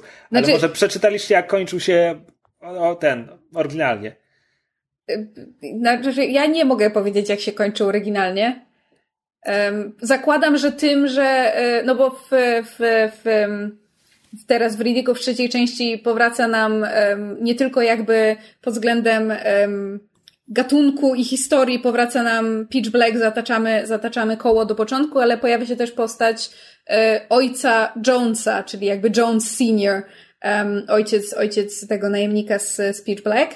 E, no i między nim a, a Riddickiem jest oczywiście konflikt na tle tego, co się stało z, z synem, z Jonesem Juniorem. I wydaje mi się, patrząc na, na opis na Wikipedii, że jakby oryginalnie Riddick się kończy właśnie tym, że oni się wydostają z tej planety i Jones Senior się pyta Riddicka na zasadzie, co, co teraz zamierzasz zrobić, dokąd zamierzasz e, lecieć, a nie, nie mów mi, a Riddick odpowiada, że tam Um, może nie mówi there's no place like home, ale mniej więcej do tego się to sprowadza. W sensie, że chce wrócić na furię? Czy... Tak, że, że tak, no bo że jakby... szukać furii. Tak, bo, bo właśnie te, te przebitki z powrotem do, do, do nekromongerów i do, do tego wątku space operowego polegają na tym, że, że Riddick wylądował teraz na tej planecie dlatego, że chce znaleźć furię, a, a został tam wymanewrowany i go wywieźli gdzieś tam w, że tak powiem, zadupie kosmosu, żeby, żeby z nim skończyć. No tak, no bo a on tej furii Lord Hako go wysiódłał w końcu. Właśnie Właśnie w finale, w tym zakończenie finale... to zmienia, bo w tak. zakończeniu się okazuje, że tak naprawdę e, ta zdrada to była inicjatywa tylko tego przydupasa, Lorda Wako. Tego, on się nazywał Crown, ten taki z blizną tak. na twarzy. E, I że to on po prostu, że on stwierdził, że, że nie może mieć takiego Lorda Marszala jak Riddick i że chce się go pozbyć, a w, ale Lord Wako ma absolutnie Y, miał absolutnie zamiar uhonorować te ich umowę, ich umowę i wskazać Riddickowi, gdzie jest furia. E, no i w międzyczasie wychodzi na to, że Lord Wako przekroczył ten tak zwany threshold i wszedł do tego underverse, do tego zaświata. W związku z tym film się kończy sceną, gdzie e, Riddick patrzy przez okno tego statku kosmicznego nekromongerów na taką coś, co wygląda jak czarna dziura, ale nie do końca basically zejście do tego underverse, takie, no, no dosłownie zejście do zaświatów, jak po, po prostu w greckiej mitologii. E, i, I mamy powiedziane, że właśnie Lord Wako do, dostąpił tej transcendencji, więc jest ni to żywy, ni to martwy. Tak I jest po prostu fade to black. Lord Marshall. Tak, jest po prostu totalne fade to black i napisy. I ja miałam takie, kurwa, ale jak to? dowiadujemy się, że Lord Wako przeszedł transcendencję i jest w Underverse i tam zszedł i teraz, i, i, i teraz Riddick go będzie szukał i koniec filmu. No jak to tak to? Nie fair. Więc ja bardzo chcę, żeby powstała czwórka, bo ja chcę wiedzieć, co będzie dalej. No właśnie, co, co może być dalej? Czy my myślimy, myślimy, że Riddick wejdzie do Underverse jak, jak e, ten tam, no, ten z Lirą za, za Eurydyką? Orfeusz. Orfeusz? No. Wejdzie, wejdzie do zaświatów, wyciągnie z nich za ucho y, Lorda Wako i zmusi, żeby zaprowadził go na furię. Znaczy wiesz co, biorąc pod uwagę, że y, te y, klimaty Lorda, znaczy ten, Lorda i Lady Macbeth w, w kronikach Riddicka były bardzo silne i mało subtelne, to wcale bym się nie zdziwiła, gdyby teraz twórcy wpletli właśnie, wiesz, mit, mit o Orfeuszu i Eurydycję w jakiś pokićkany sposób w, w część czwartą. E, takie, takie mitologiczne wpływy bardzo dobrze by się tutaj moim zdaniem odnalazły. U, czekaj, czekaj, czekaj, bo gdyby on miał pójść do zaświatów, to, to byłby jakiś wybieg. E, oczywiście trzeba by pewnie przepisać lore tego świata, ale to nigdy nie był problem dla Davida Tłochego. To byłby jakiś wybieg, żeby wprowadzić z powrotem, e, jak ona się każe nazywać w kronikach Riddicka? Kirę? Kira, tak. Kira, tak. No. Czyli, czyli postać no, tej um, Riddickowa wersja Ciri. Co mi, co mi przypomina, czy Katie Sakow przeżywa Riddicka? Tak. Tak. Tak, co jest jakby moim zdaniem... Bo bohaterka pierwszego Pitch Black ginie w pierwszym Pitch Black, nie? Tak. Okej, okay, dobra, coś pamiętam. Tak, znaczy ja, ja uznałam, że to jest swoista paralela w sensie, że, że, um, że bo Pitch Black przeżywa Riddick um, Jack, czyli młoda dziewczynka, która udawała chłopca. I Keith e, David. Tak, i Keith David, który gra e, e, imama. Davida. Tak, cicho. E, imama e, o imieniu, którego nikt włącznie z bohaterami filmów nie, pod, nie pamięta, bo wszyscy go nazywają po prostu imam. Znaczy on nawet, on nawet w, on w napisach jest podpisany jako imam. Po prostu po grze Saints Row, co to jest? Cztery? Ja w to nigdy nie grałem, ale dla mnie Keith David zawsze jest po prostu Keithem Davidem. Tak. Um, w związku z tym jakby um, Pitch Black przeżywa Riddick, um, kobieta, znaczy tam dziewczynka i e, jakby ten Holy Man, to w zakończeniu Riddicka przeżywa Riddick, e, a Holy Boy, w sensie ten taki młody chłopaczek, który tam e, był... Cytował Biblię. Tak, cytował Biblię, chyba miał na imię Luna. Katie Sakow, czyli jakby jedyna kobieta w grupie oraz przeżywa Jones Senior jakby jako swoiste odniesienie do, do Pitch Blacka na zasadzie, że gdyby w Pitch Blacku Jones Jr. nie, nie zdradził Riddicka i nie, nie był takim samolubnym dupkiem, to miał szansę wydostać się z tej planety, tak jak w Riddicku wydostaje się Jones Senior, bo, bo jak to tam e, Riddick określił, że, że miał, miał ten kręgosłup moralny i zachował się, zachował się porządnie. Natomiast Kamil wspominał a propos traktowania kobiet. I to nie jest tak, że w tych filmach nie ma w ogóle fajnych postaci kobiecych, bo w Pitch Blacku mamy, mamy Pitch Black pod tym względem jest bardzo spoko. Tak, znaczy jakby większość kobiet kończy martwa, ale są. I mają, i to nie jest tak, że są kompletnymi wydmuszkami. Właśnie ta, ta, ta, ta pani kapitan z Speech Black ma bardzo fajną e, rolę, bo ona właśnie też jest taka, e, ona się chyba Fry nazywa, w sensie na nazwisko ma. Jest taka niejednoznaczna. Z jednej strony wszyscy myślą, że ona ich tam uratowała, ale ona wcale nie ma takich czystych pobudek. To ona też nie jest taka, taka e, niewinna i, i dobra, jak, jak kazałyby myśleć pozory. E, no, w dwójce mamy e, tak zwiewną Judy Dench, która e, no, jest zwiewnym duszkiem od ekspozycji. Mamy cudowną Sandy Newton jako tę Lady Macbeth, gdzie on, ona i Karol Urban tak totalnie jadą po bandzie, że ja to po prostu spijam z ekranu jak mm, nektar bogów. Wyborne. No i mamy tę te, te właśnie Kirę, czyli dorosłą już Jack, która, która została przez, przez Riddicka porzucona i w związku z tym ma abandonment issues i teraz zabija wszystko, co się rusza powiedzmy sobie szczerze, kroniki Riddicka są na tyle over the top pod wieloma względami pod, w kierunku tej space opery, że te kobiece postaci nie są może jakoś bardzo um, złożone, raczej są takimi konkretnymi tropami, a, aż, aż do tego punktu, że, że Kira się tam na koniec o, oczywiście poświęca i umiera w ramionach Riddicka e, w tym ostatecznym poświęceniu. I tutaj mamy trzeciego Riddicka, który ma ten problem, że ma tylko jedną kobiecą postać.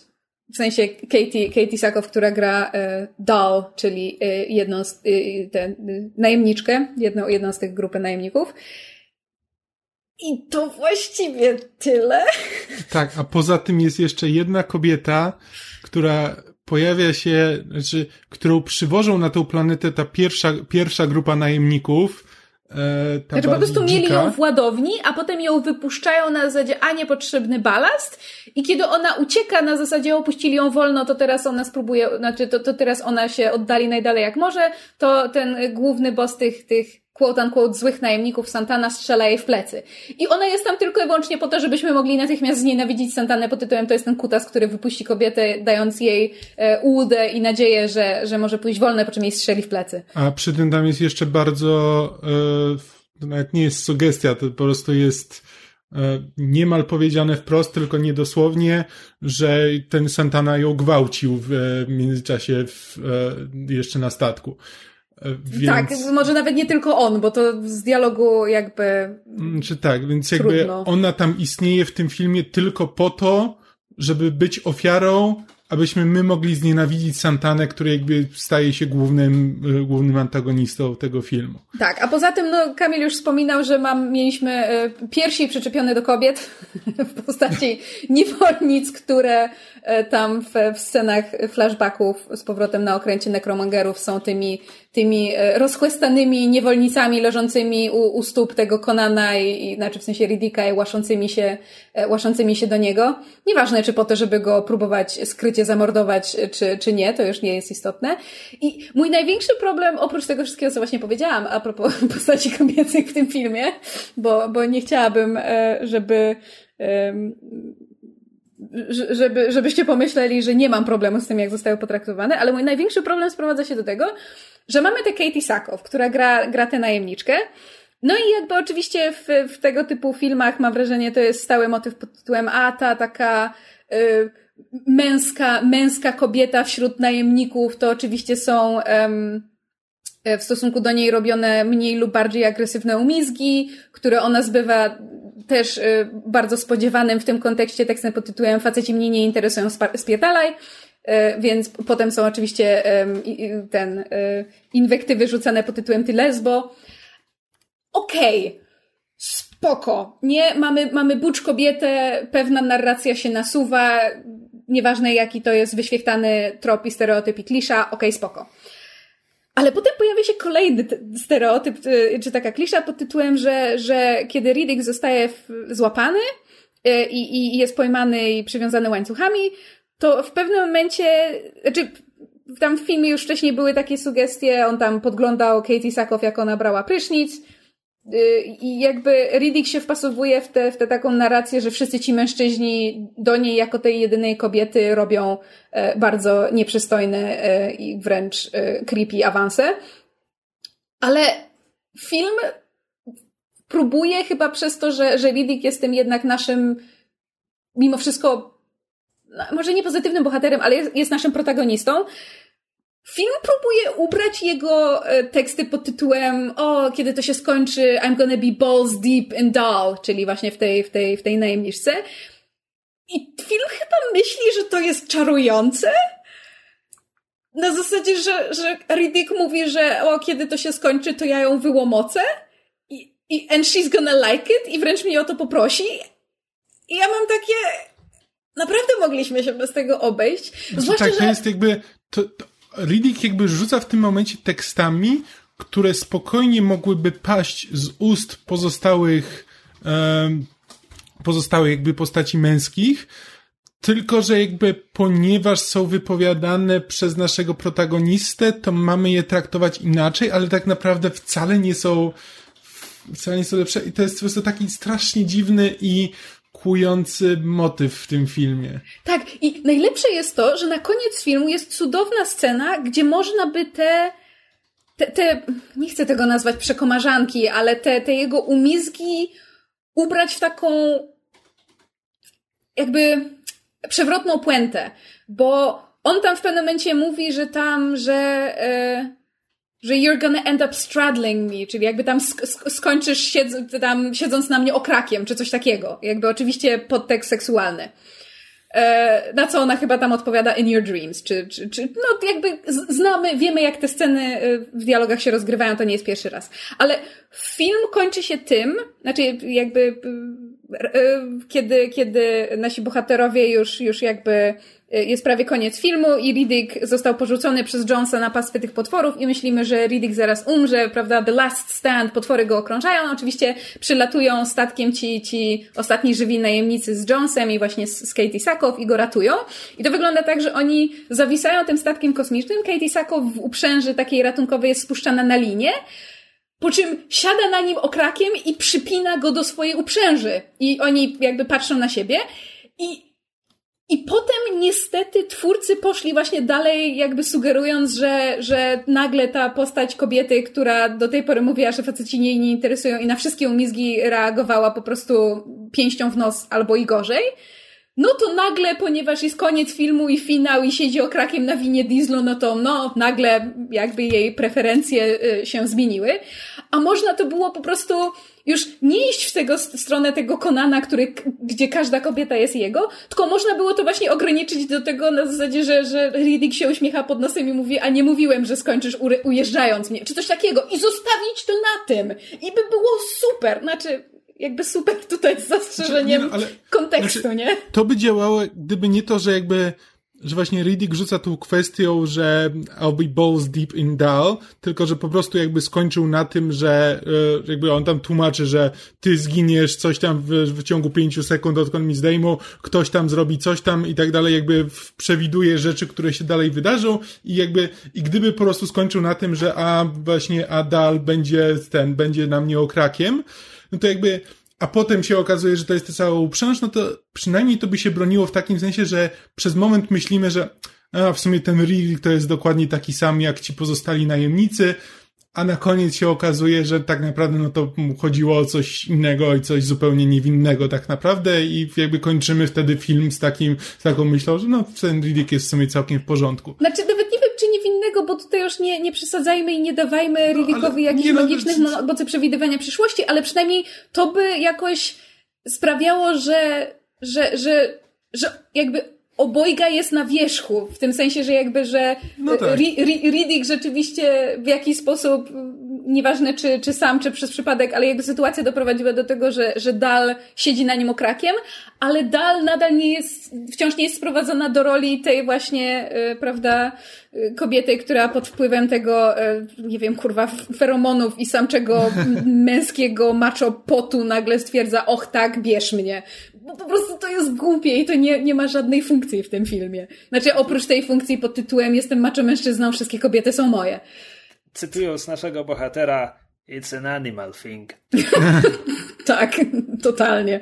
E, ja siedzę, siedziałem cicho przez ostatnich parę minut, ponieważ właśnie skonstatowałem, że z tej trylogii Kroniki są jedyną częścią, którą widziałem więcej niż raz, bo lubię ją najbardziej. Pitch Black widziałem tylko raz, to było kilkanaście lat temu, ale pamiętam Pitch Black. Z Riddicka naprawdę niewiele pamiętam. No bo to, to, to nie jest ten taki film, który znaczy, dużo oferuje mimo nie, wszystko. Ja, ja, pamiętam, że on był ok. Nie, on jest spoko. Pozytywne odczucia po sensie, natomiast miałem wrażenie, że jest przede wszystkim powtórką Speech Black i bardzo mało z niego zapamiętałem. Znaczy, a ja właśnie po obejrzeniu jakby wszystkich trzech filmów naraz to jakby Kroniki Riddicka trochę jakby spadły, e, że tak powiem, w rankingu, a e, Riddick trochę zyskał. Ale no to ma też, to ma też związek z tym, że jakby, że jak to się ogląda jedno po drugim, to jakby widać w Riddicku, że właśnie to nie jest powtórka Speech Black. To jest jakby, to jest nawiązanie do Pitch Black, to jest jakby powrót do pewnego formatu, do tego, e, do tego mniejszego zakresu. Czekaj, czekaj, pojadę kolejnym cytatem. It's like poetry, it rhymes. tak.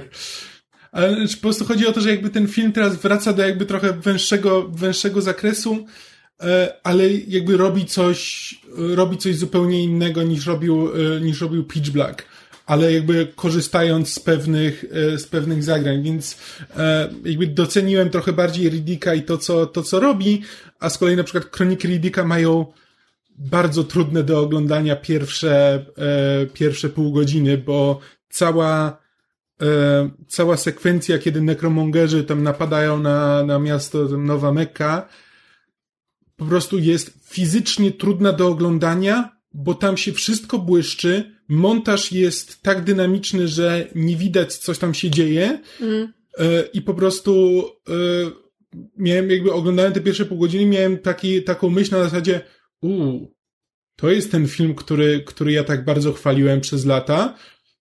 Nie wiem, czy nie będę musiał tego trochę odszczekać. E, po czym jakby dalej, im dalej, tym jest, tym jest lepiej, ale jednak trochę miałem takie, że e, trochę, trochę pamiętałem ten film przez różowe okulary. Ciekawe. E, Skoro już mówimy o całym cyklu i była też mowa o animacji, no to jeszcze z kronikarskiego obowiązku można wspomnieć, że Kroniki Lidika długo były, e, miały ten zaszczytny tytuł tych filmów, które miały dobrą grę na swojej podstawie. Te, To było 10 lat, te, to było 15 lat temu prawdopodobnie. E, Od tego czasu powstały jeszcze ze dwie dobre gry na podstawie filmów. Czekaj, Alien Isolation jeszcze jaka? Pewnie jest jakaś trzecia. Znaczy, gry są y, ten Escape from Butcher Bay, Assault on Dark Athena i Riddick the Merc Files, tak jak widzę. ale nie, nie, Krzysiek Okej. mówi ogólnie o grach na podstawie filmów. Jakby A, powstały może ze dwie, oprócz Tak. Escape from Butcher Bay. E, tak, przy czym jeśli chodzi o gry na podstawie Riddicka, to Escape from Butcher Bay to jest ta jedyna, o którą chodzi. Escape from Dark Athena jest tylko dodatkiem do tamtej gry, a Merc Files to nawet nie wiem, co to jest. Jakiś spin-off na komórki, pewnie. Znaczy, Tak, nie mam pojęcia, w sensie pierwsze słyszę o tym tytule. Ja też. Znaczy wiesz, biorąc pod uwagę, że, że y, ten y, no, Vin Diesel zastawił swój dom i pobrał pożyczki, żeby dokończyć tego trzeciego Riddicka, to bardzo możliwe, że potem trzaskają pieniądze na grach mobilnych. Znaczy, wiesz co, Riddick, Jezus Maria. Vin Diesel też e, był jednym z założycieli tego studia, które zrobiło Escape from Butcher Bay. No, to nawet nie Jego wiedziałam. firma to robiła. Nice. Znaczy, to, to była bardzo dobra gra i nawet właśnie po obejrzeniu teraz Riddicka miałem takie, że o, chętnie bym teraz sobie wrócił do tego Escape from Butcher Bay, zobaczę, e, zobaczę gdzie to można dostać. Odpowiedź brzmi nigdzie. E, ta gra to jest obecnie abandonware, bo były jakieś problemy z prawami i nie da się jej kupić. Nie ma jej na Steamie, nie ma jej na Gogu, nie ma jej po prostu nigdzie. Hmm. No Smutek. wiesz, jak nikt tego nie pilnuje, Krzysiu. E, Ale wiesz co, nawet nie, no, wiesz co, szukałem e, mniej legalnymi metodami i też jest bardzo ciężko znaleźć. Wow, właśnie przeczytałam fantastyczne zdanie, które wiele tłumaczy. No. W 2006 roku Vin Diesel zgodził się wystąpić, e, znaczy ten, mieć drobne cameo w filmie e, Fast and Furious Tokyo Drift w zamian za prawa do ten, franczyzy i postaci Riddicka. Ha. Wow! To się nazywa poświęcenie. No, zależy mu, no. Dobra, wydaje mi się, że powiedzieliśmy już wszystko, co się da o tym cyklu. E, tak, ja się zastanawiam, czy chcemy jeszcze e, bez Krzysia wspomnieć parę słów o Resident Evil, o, o serii, bo mamy już półtorej godziny nagrania. No, myślę, że jak nie zrobicie tego w tym odcinku, to już nigdy tego nie zrobicie. Też prawda, więc jest prawda. Krzysztofie, może pożegnaj się grzecznie, a my z Kamilem jeszcze parę słów powiemy o, o Resident Evil. Żegnam się grzecznie.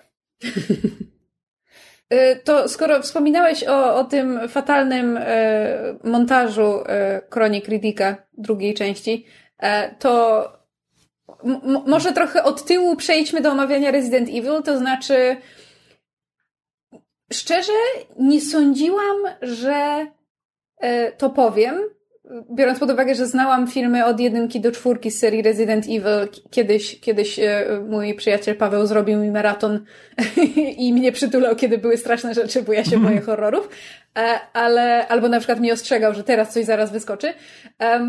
Ale nie sądziłam, że piątka i szóstka będą najgorszymi częściami serii. Zwłaszcza szóstka, jako ten, jako ten ostatni film w serii, zresztą mający podtytuł The Final Chapter. Znaczy to jest w ogóle fascynujące, bo jakby moje, znaczy to jak bardzo, do, to jak do, doceniałem tę serię, jakby rosło, ten film bardzo lubi tę frazę w, w trybie ge, geometrycznym, e, bo jakby w, obejrzałem pierwszy film i miałem takie, mm, to jest kiczowaty film, ale całkiem przyjemny, po czym e, obejrzałem drugi i jakby okej, okay, ciekawie rozwijają wątki, jest tu trochę, trochę fajnych rzeczy. Potem trzeci jakby, okej, okay, zupełnie zmienili jakby gatunki, ale, ale znowu robią, robią sporo interesującego tutaj, a później od czwórki z każdym kolejnym było coraz, coraz gorzej i to już tak, znaczy, że... Czwórka jest jeszcze ostatnim w miarę przyzwoitym, ale już tak miesza gatunki, że, że, że trudno się z nim, w nim połapać. Jest jakby naj, jednym z tych najmniej trochę... jakby konsekwentnych. Spójnych. druga, druga połowa tej serii mi się trochę myli. O czym jest czwórka? Czyli dobra, może przejdźmy po kolei. Przejdźmy bo... po kolei, tak. tak. E, oczywiście będziemy um, spoilerować e, prawdopodobnie w większości, w sensie, no bo jak przejdziemy do omawiania kolejnych, to, to, to, to tam będziemy mówić o tym, co się dzieje dalej w serii, więc jeżeli ktoś widział tylko początek, to, to, to ostrzegamy, że będziemy omawiać właściwie całą serię bez, bez e, ten zwracania na uwagi na to, co jest spoilerem. E, ale to, mówmy się, nie jest jakoś super skomplikowana seria, która, e, gdzie się należy wystrzegać spoilerów. E, to może ty, Kamil, zacznij, no bo to jest seria oparta na grach, prawda? No tak, to, ale... Znaczy tak, po pierwsze, pierwszy film z grami ma bardzo, bardzo mało wspólnego. Później jakby to, to się trochę zmienia. Lepiej się zazębia troszeczkę. E, tak, ale to wciąż jakby w większości wypadków tak naprawdę wszystko to, co e, jedyny związek filmów z grami to są imiona bohaterów i to jest, to jest w większości to. E, mhm. bo w, e, szczególnie, że jakby sama seria e, gier jest skonstruowana tak, że e, praktycznie w każdej grze E, jest, są inni bohaterowie. Oni czasami jakby wracają, czasami gramy tymi, e, tymi samymi, ale e, praktycznie nigdy nie gramy. Znaczy, w większości tych gier mamy przynajmniej dwójkę głównych bohaterów i niektórzy z tych bohaterów wracają, ale praktycznie nigdy w tej samej kombinacji. Mhm. Um, jakby ten, szczególnie właśnie pierwszy, jakby w pierwszy, drugi, trzeci Resident Evil zawsze mieliśmy dwójkę bohaterów, za każdym razem trochę innych. W czwórce był rzeczywiście jeden, graliśmy Leonem Kennedym, który był i to jakby przez cały czas graliśmy jedną postacią. No ale później zwróciliśmy do tego, że jakby piątka, szóstka e, to były, znowu graliśmy dwoma bohaterami. Siódemki nawet tutaj nie liczę, bo siódemka powstała chyba dopiero, znaczy długo po tym, jak powstała jakby seria, e, seria filmów. Y, jest jakby zupełnie czymś odmiennym w stosunku do pozostałych gier i jakby zupełnie nie ma wpływu na, na, na filmy, bo jakby pozostałe gry to przynajmniej widać pewne rzeczy, które filmy sobie pożyczały z gier. Siódemka jakby nie ma żadnego związku tutaj. Mhm. A filmy, no jakby to, to wiecie, jeżeli kojarzycie plakaty i cokolwiek z tych filmów, no to filmy mają naszą główną bohaterkę Alice graną przez Milę Jowowicz, no i ona konsekwentnie jest we wszystkich filmach. E, tam no, są więksi lub, lub pomniejsi bohaterowie, którzy z nią e, ten ekran dzielą, właśnie część, część jest z gier. Niektóre filmy, znaczy większość tych filmów ma takie trochę bardziej e, ensemble cast, no ale Alice zawsze jest, zawsze jest tą postacią e, centralną i elementem, który jest we wszystkich e, filmach w mniejszym lub większym stopniu jest też elementem z gier, no to jest ta Umbrella Corporation, czyli ta, ta wielka, światowa, najbogatsza i najbardziej władcza na świecie korporacja, z którą, z którą Alice walczy, która jest powodem, dla którego na świecie rozpanoszył się e, T-virus, czyli ten wirus, który zamienia, e, no basically wirus zombie. Umówmy się, to nie jest bardzo mm. skomplikowane. E, I pierwszy film powstał w 2002 roku. Wszystkie, jeżeli dobrze kojarzę, filmy były pisane przez tego samego twórcę Paula W.S. Andersona. Mm. Natomiast on reżyserował pierwszy film i potem 4, 5, 6. Tak, dwójka i trójka były reżyserowane przez kogo innego i to w sumie trochę widać. Hmm. Natomiast to, co mnie przy jedynce fascynuje i ja nadal tego nie rozumiem i nadal mi to bardzo przeszkadza, mimo że... Znaczy, być może mam mylne wrażenie, ale wydaje mi się, że, że w tamtych czasach wiele filmów robiło taki numer. Mianowicie ten film tak bardzo ci nic nie tłumaczy i tak długo się akcja rozkręca, w tym sensie, że rzeczy się dzieją, ale ty nadal nie masz pojęcia, jaki jest kontekst i kto jest kim i co się dzieje i w ogóle dlaczego ma ci na czymkolwiek zależeć, że to jest aż abstrakcyjne. No bo jakby nasza, nasza bohaterka się, się w pierwszym Resident Evil budzi, znaczy najpierw w ogóle widzimy jak jakiś e, w, w, w jednostce, znaczy w takim tajnym laboratorium zwanym The Hive, czyli ulem, um, dochodzi do właśnie um, sabotażu, to znaczy dochodzi do, do wypuszczenia wirusa i sztuczna inteligencja, która, która um, kontroluje ten, tenże ul, zwana Czerwoną Królową, um, zamyka ten, tenże ul, odcina wszystkich i zabija wszystkich w środku. E, nie wiemy dlaczego, ale możemy się domyślać. No i potem mamy przejście do, do, do naszej bohaterki Alice, granej przez Mila Jowowicz, która się budzi z amnezją w jakiejś posiadłości, którą następnie atakuje, atakują jakieś służby specjalne. E, tam z nią jest gość, który się podaje za policjanta z Raccoon City PD, czyli, czyli policjanta z, z miasta Raccoon City, który jest nad tym ulem, który widzieliśmy. E, no i ci, ci komandosi dostają się do tej, do tej posiadłości, ponieważ y, pod nią jest właśnie tajne wejście, które ma ich doprowadzić do tego ula i oni się tam ma, zostali wynajęci przez Umbrella Corporation, żeby się dostać do tego ula i dowiedzieć się, dlaczego e, ul został odcięty, co się tam wydarzyło, czemu Czerwona Królowa jakby zrobiła taki numer, czemu AI e, zaczęło zabijać ludzi i w ogóle o co chodzi. No i cała reszta filmu to jest zombie survival horror. Zresztą jakby tagline filmu jest Survive the Horror, więc y, film jest bardzo, bardzo mocno um, właśnie w tym, w tym kontekście, gdzie oni się skradają przez te, najpierw przez kanały, potem przez ten właśnie zamknięty ul, e, gdzie, gdzie widzą kolejne zniszczenia i próbują z jednej strony rozwikłać zagadkę tego, co się stało, a z drugiej strony w pewnym momencie zaczynają walczyć z zmutowanymi y, ludźmi zarażonymi tym wirusem i próbują rozkminić, co się tam wydarzyło. I to właściwie tyle. To jakby fabularnie nie jest bardzo skomplikowany film. Nie jest. Znaczy to. Ja przede wszystkim oglądając go miałem. Dosyć niedawno robiłem powtórkę z. Znaczy, nie powtórkę, ja pierwszy, czy nie wiem czemu to powiedziałem, po raz pierwszy oglądałem e, Event Horizon. E, czyli jakby jest jeden z poprzednich filmów właśnie Paula Andersona, który jest takim kiczowatym horrorem o statku kosmicznym, na którym otwiera się portal do piekła. E, Okej. Okay. Tak, więc jakby to jest, to jest właśnie kino, kino bardzo mocno klasy B, e, z które idzie bardzo mocno w ten kicz.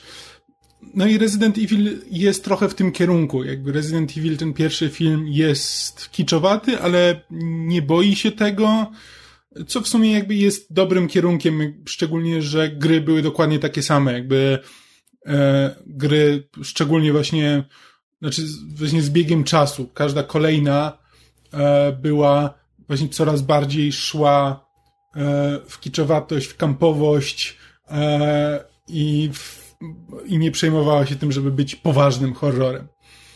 Jakby, poza tym w grach to działa. Gry mogą sobie trochę na to bardziej pozwolić, bo w grach jakby samemu się przeżywa ten horror, więc to, że tam się dzieje trochę, więc to, że to jest takie kiczowate, nie, nie wyrzuca się tak bardzo z tego jak, y, jak film.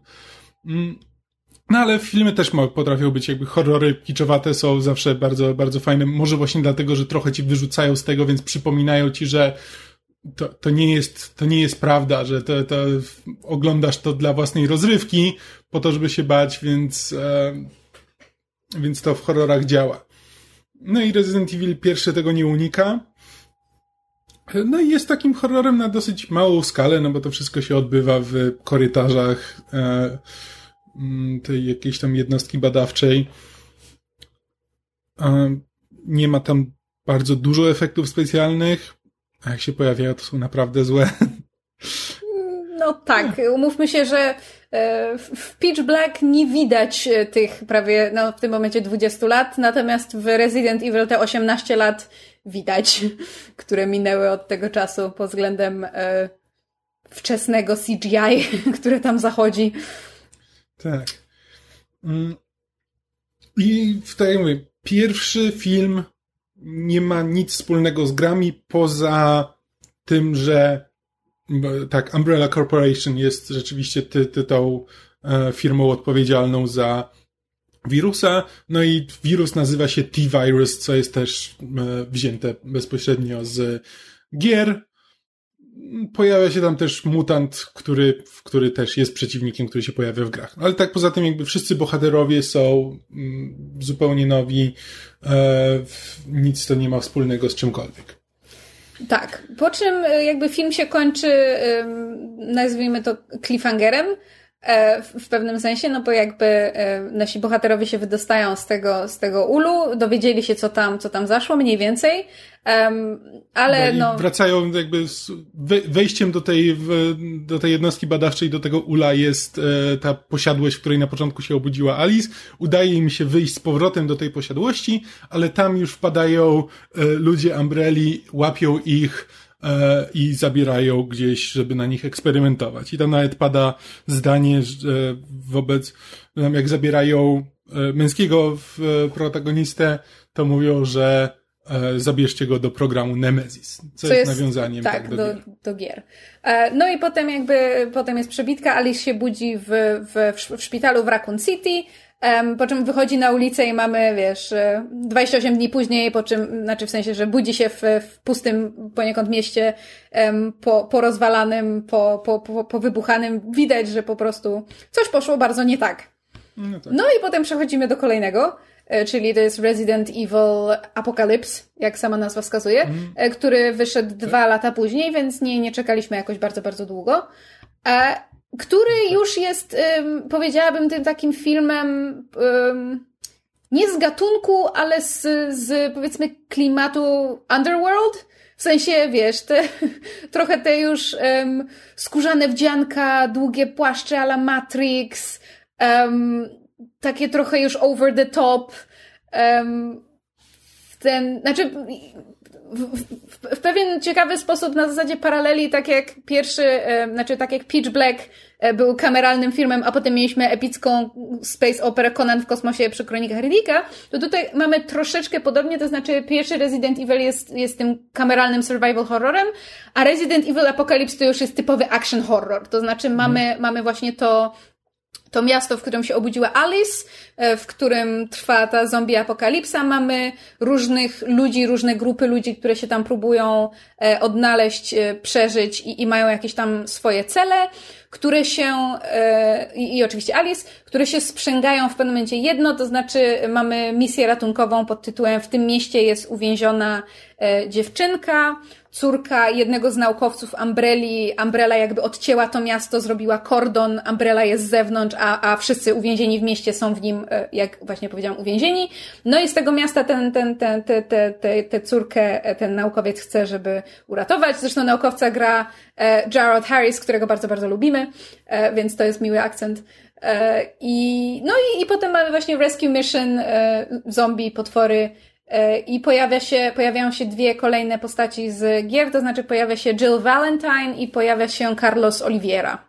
Oliveira znaczy w ogóle jakby ten drugi film e, bardzo mocno czerpie już z trzeciej gry, bo właśnie Jill Valentine i Carlos Oliveira e, byli bohaterami trzeciej części gry. I zresztą jakby fabuła też jest podobna, bo jakby trzecia część polega na tym, że biegamy po mieście i y, goni nas y, wielki potwór, który y, atakuje mackami, strzela z rakietnicy i z minigana. I to jest jakby wzięte bezpośrednio z gier.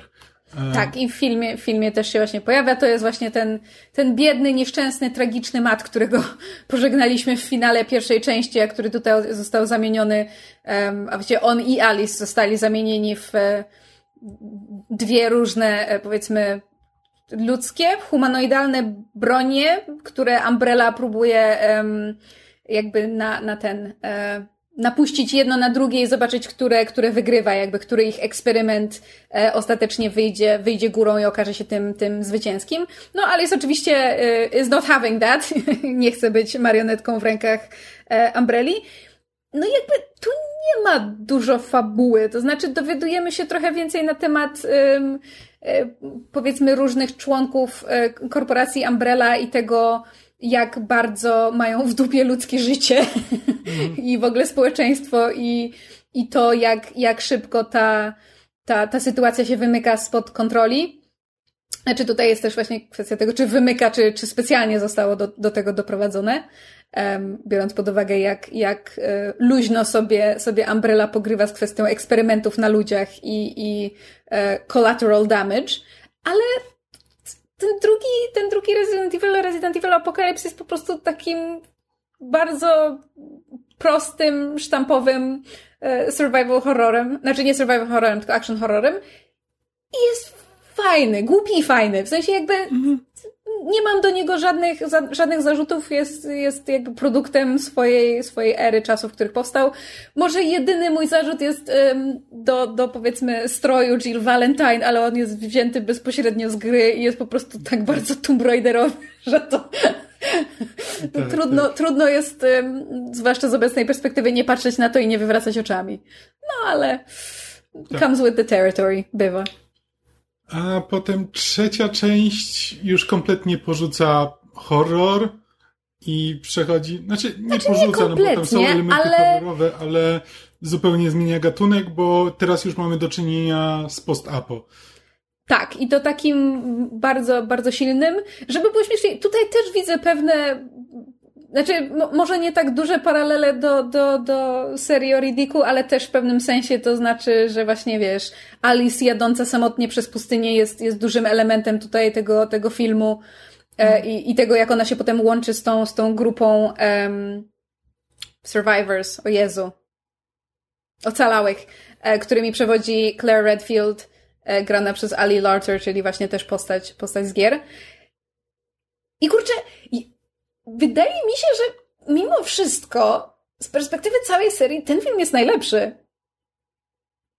Bo. E, jest to bardzo możliwe, tak. Bo to jest właśnie ten taki, ten, ten zombie survival, trochę w stylu powiedzmy tego, co, co obecnie byśmy określili jako The Walking Dead. Gdzie jasne mamy, mamy działania korporacji Umbrella, które jeszcze bardziej się robią, um, że tak powiem, futurystyczno-fantazyjne pod tytułem e, robią klony Alice i na nich eksperymentują, żeby spróbować, jeśli dobrze pamiętam, jeszcze bardziej zmutować ten T-wirus, dlatego że Alice jest jedynym człowiekiem na świecie, który zdołał się, e, której ciało zdołało połączyć się z, z T-wirusem w taki sposób, że ona nie jest bezmyślnym zombie, tylko jest jakby super człowiekiem, w sensie ma, ma super moce. Włącznie z telekinezą, co odkrywamy pod koniec, no, drugiego filmu i w tym jest, jest kontynuowane, że ma, ma super, super hipermoce, jest mutantem, jej miejsce jest wśród X-Menów.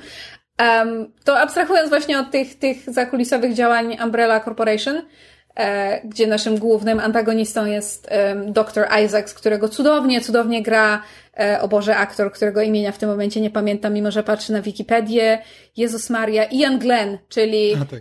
um, wow! Sergiora. Sergiora, dziękuję, z Gry Tron, który jest fantastycznym złolem i ja go zawsze będę pamiętała jako złola z pierwszego Tomb Raidera, więc tutaj też jest pięknym, fantastycznym złolem.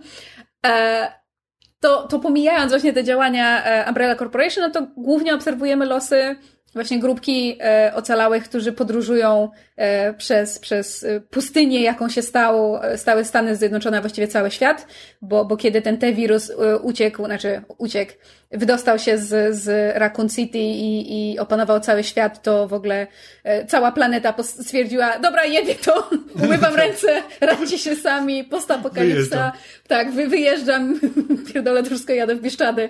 Um, w związku z tym cała planeta um, jest wysuszona i, i, i pustynna i, i w ogóle jest do kitu.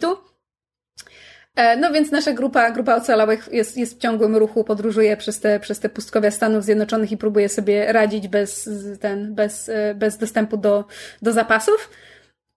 No i oni się tam potem e, wpadają na Alice, ponieważ w tej grupie ocalałych jest właśnie ten Carlos Oliveira, Oliveira, przepraszam, grany przez ten Odeda Fera, czyli jeżeli ktoś kojarzy z, o Boże, z serii The Mummy, um, tę postać, hmm. która. O Boże, dlaczego ja nie pamiętam, jak on się nazywa? E, Ardeth Ma... Bay. O, dobra, Wikipedia mi podpowiedziała. E, czyli jakby ten, ten taki um, rycerz wiary, który się tam pojawia w pewnym momencie. To jest tak przystojny aktor. O Chryste, jak ja lubię na niego patrzeć. E, więc miałam, tak, ja miałam bardzo ogromną e, frajdę oglądając go tutaj w, w Resident Evil. No ale ponieważ Carlos i Alice się znają z drugiej części, więc kiedy, kiedy Alice wpada na ten, na ten konwój, no to do niego dołącza oni tam potem coś nie pamiętam już dlaczego jadą do, do, do tej placówki Umbrella Corporation, no ale w każdym razie włamują się, próbują się do niej włamać. Ja, jak słyszycie, drodzy słuchacze, już na tym etapie fabuła tych filmów zaczyna się plątać. W sensie mi, nie że ona, ale, znaczy też, ale mi przede wszystkim. Um, no i, i tutaj już dochodzą te takie bardziej um, jeszcze A, bardziej. Okej, okay, już, wie, już wiem o co chodziło, że oni, e, bo tam się po raz pierwszy pojawia wzmianka o tym, że gdzieś na Alasce A, tak, dobra. jest, e, jak to się tam nazywa, Arkadia, czyli tak, jakaś... Kolonia e, bez, bez zarazy. Tak, że jest, że tam nie ma, tam nie ma infekcji, tam jest bezpiecznie i tam można się schronić, więc oni postanawiają jechać na Alaskę. Na początku próbują jakby pokonać ten, e, ten dystans całym swoim konwojem, ale nigdzie nie ma paliwa, żeby, żeby taki dystans e, przebyć, więc ostatecznie jak właśnie e, Alice decyduje, że wkradną się tam do tej, e, do tej placówki Umbrelli i stamtąd e, zdołają ukraść helikopter, żeby polecieć na Alaskę. Tak, właśnie. Wiedziałam, że był jakiś powód w miarę sensowny, dla którego oni tam jechali. No i oczywiście tam, tam, tam e, dochodzi do um, wymierania kolejnych ludzi z tego konwoju, czy to w wyniku po prostu ataków zombie, czy, czy pułapek zastawianych przez Umbrelle, czy, czy potem włamywania się do tej, do tej placówki, gdzie Alice ostatecznie walczy ze zmutowanym doktorem um, który też chyba, znaczy w sensie ta mutacja, której on się poddaje, to też jest nawiązanie do gier, prawda? Bo on, on też jest jakimś tam tym rodzajem potwora z gier. Tyrant, prawda? Tak, tak, tak. Tak, no.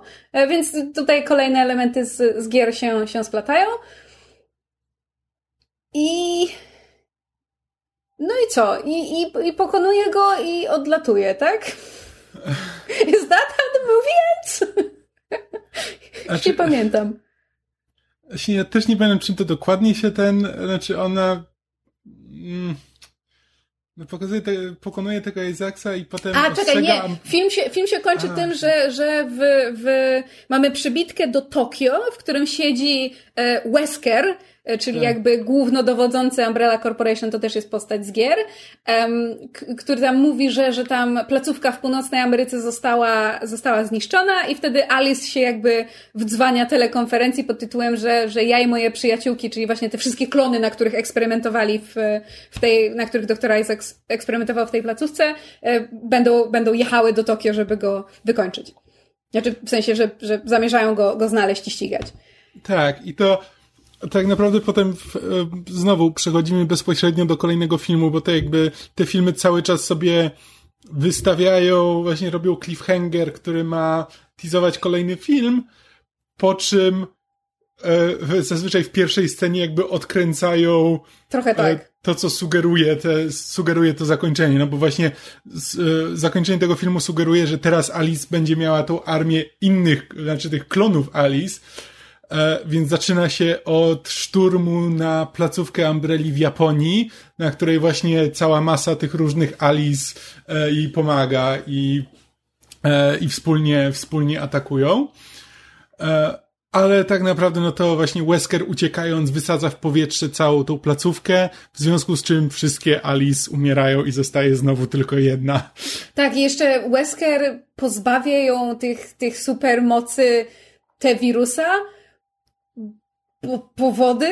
W sensie, w sensie jakby film chyba tylko i wyłącznie to zrobił po to, żeby, żeby w jakiś sposób podkręcić stawkę pod tytułem o nie, Alice straciła te swoje magiczne, telekinetyczne moce Carrie.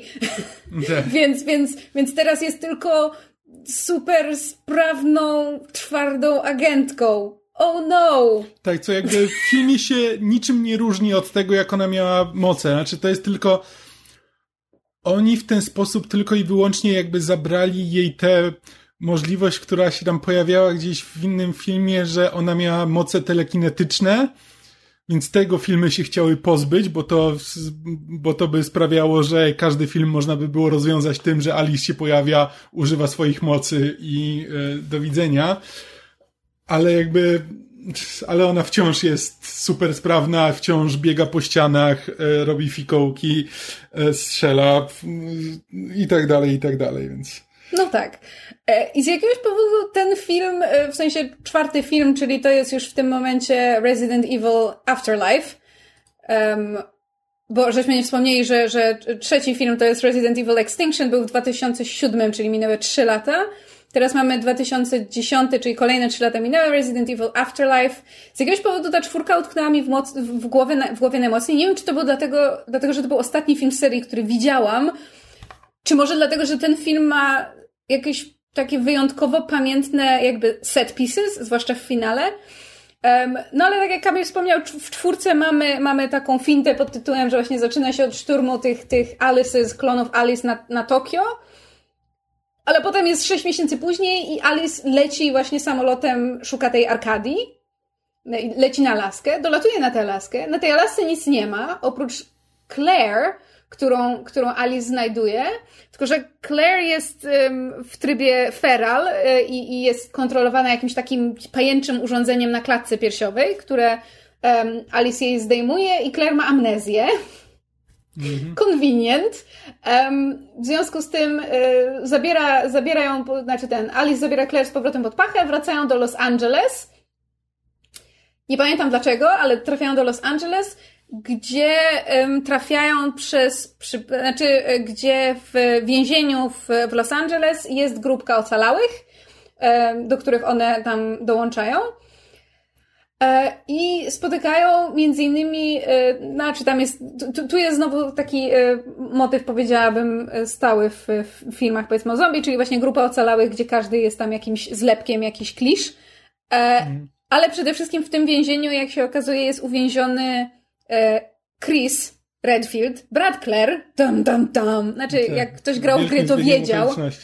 Tak, e, to, to, to, wiedział, że, że, że Claire ma brata, ja nie wiedziałam. Gra go Wentworth Miller, co jest bardzo miłą niespodzianką, bo Wentworth Miller zawsze jest miłą niespodzianką.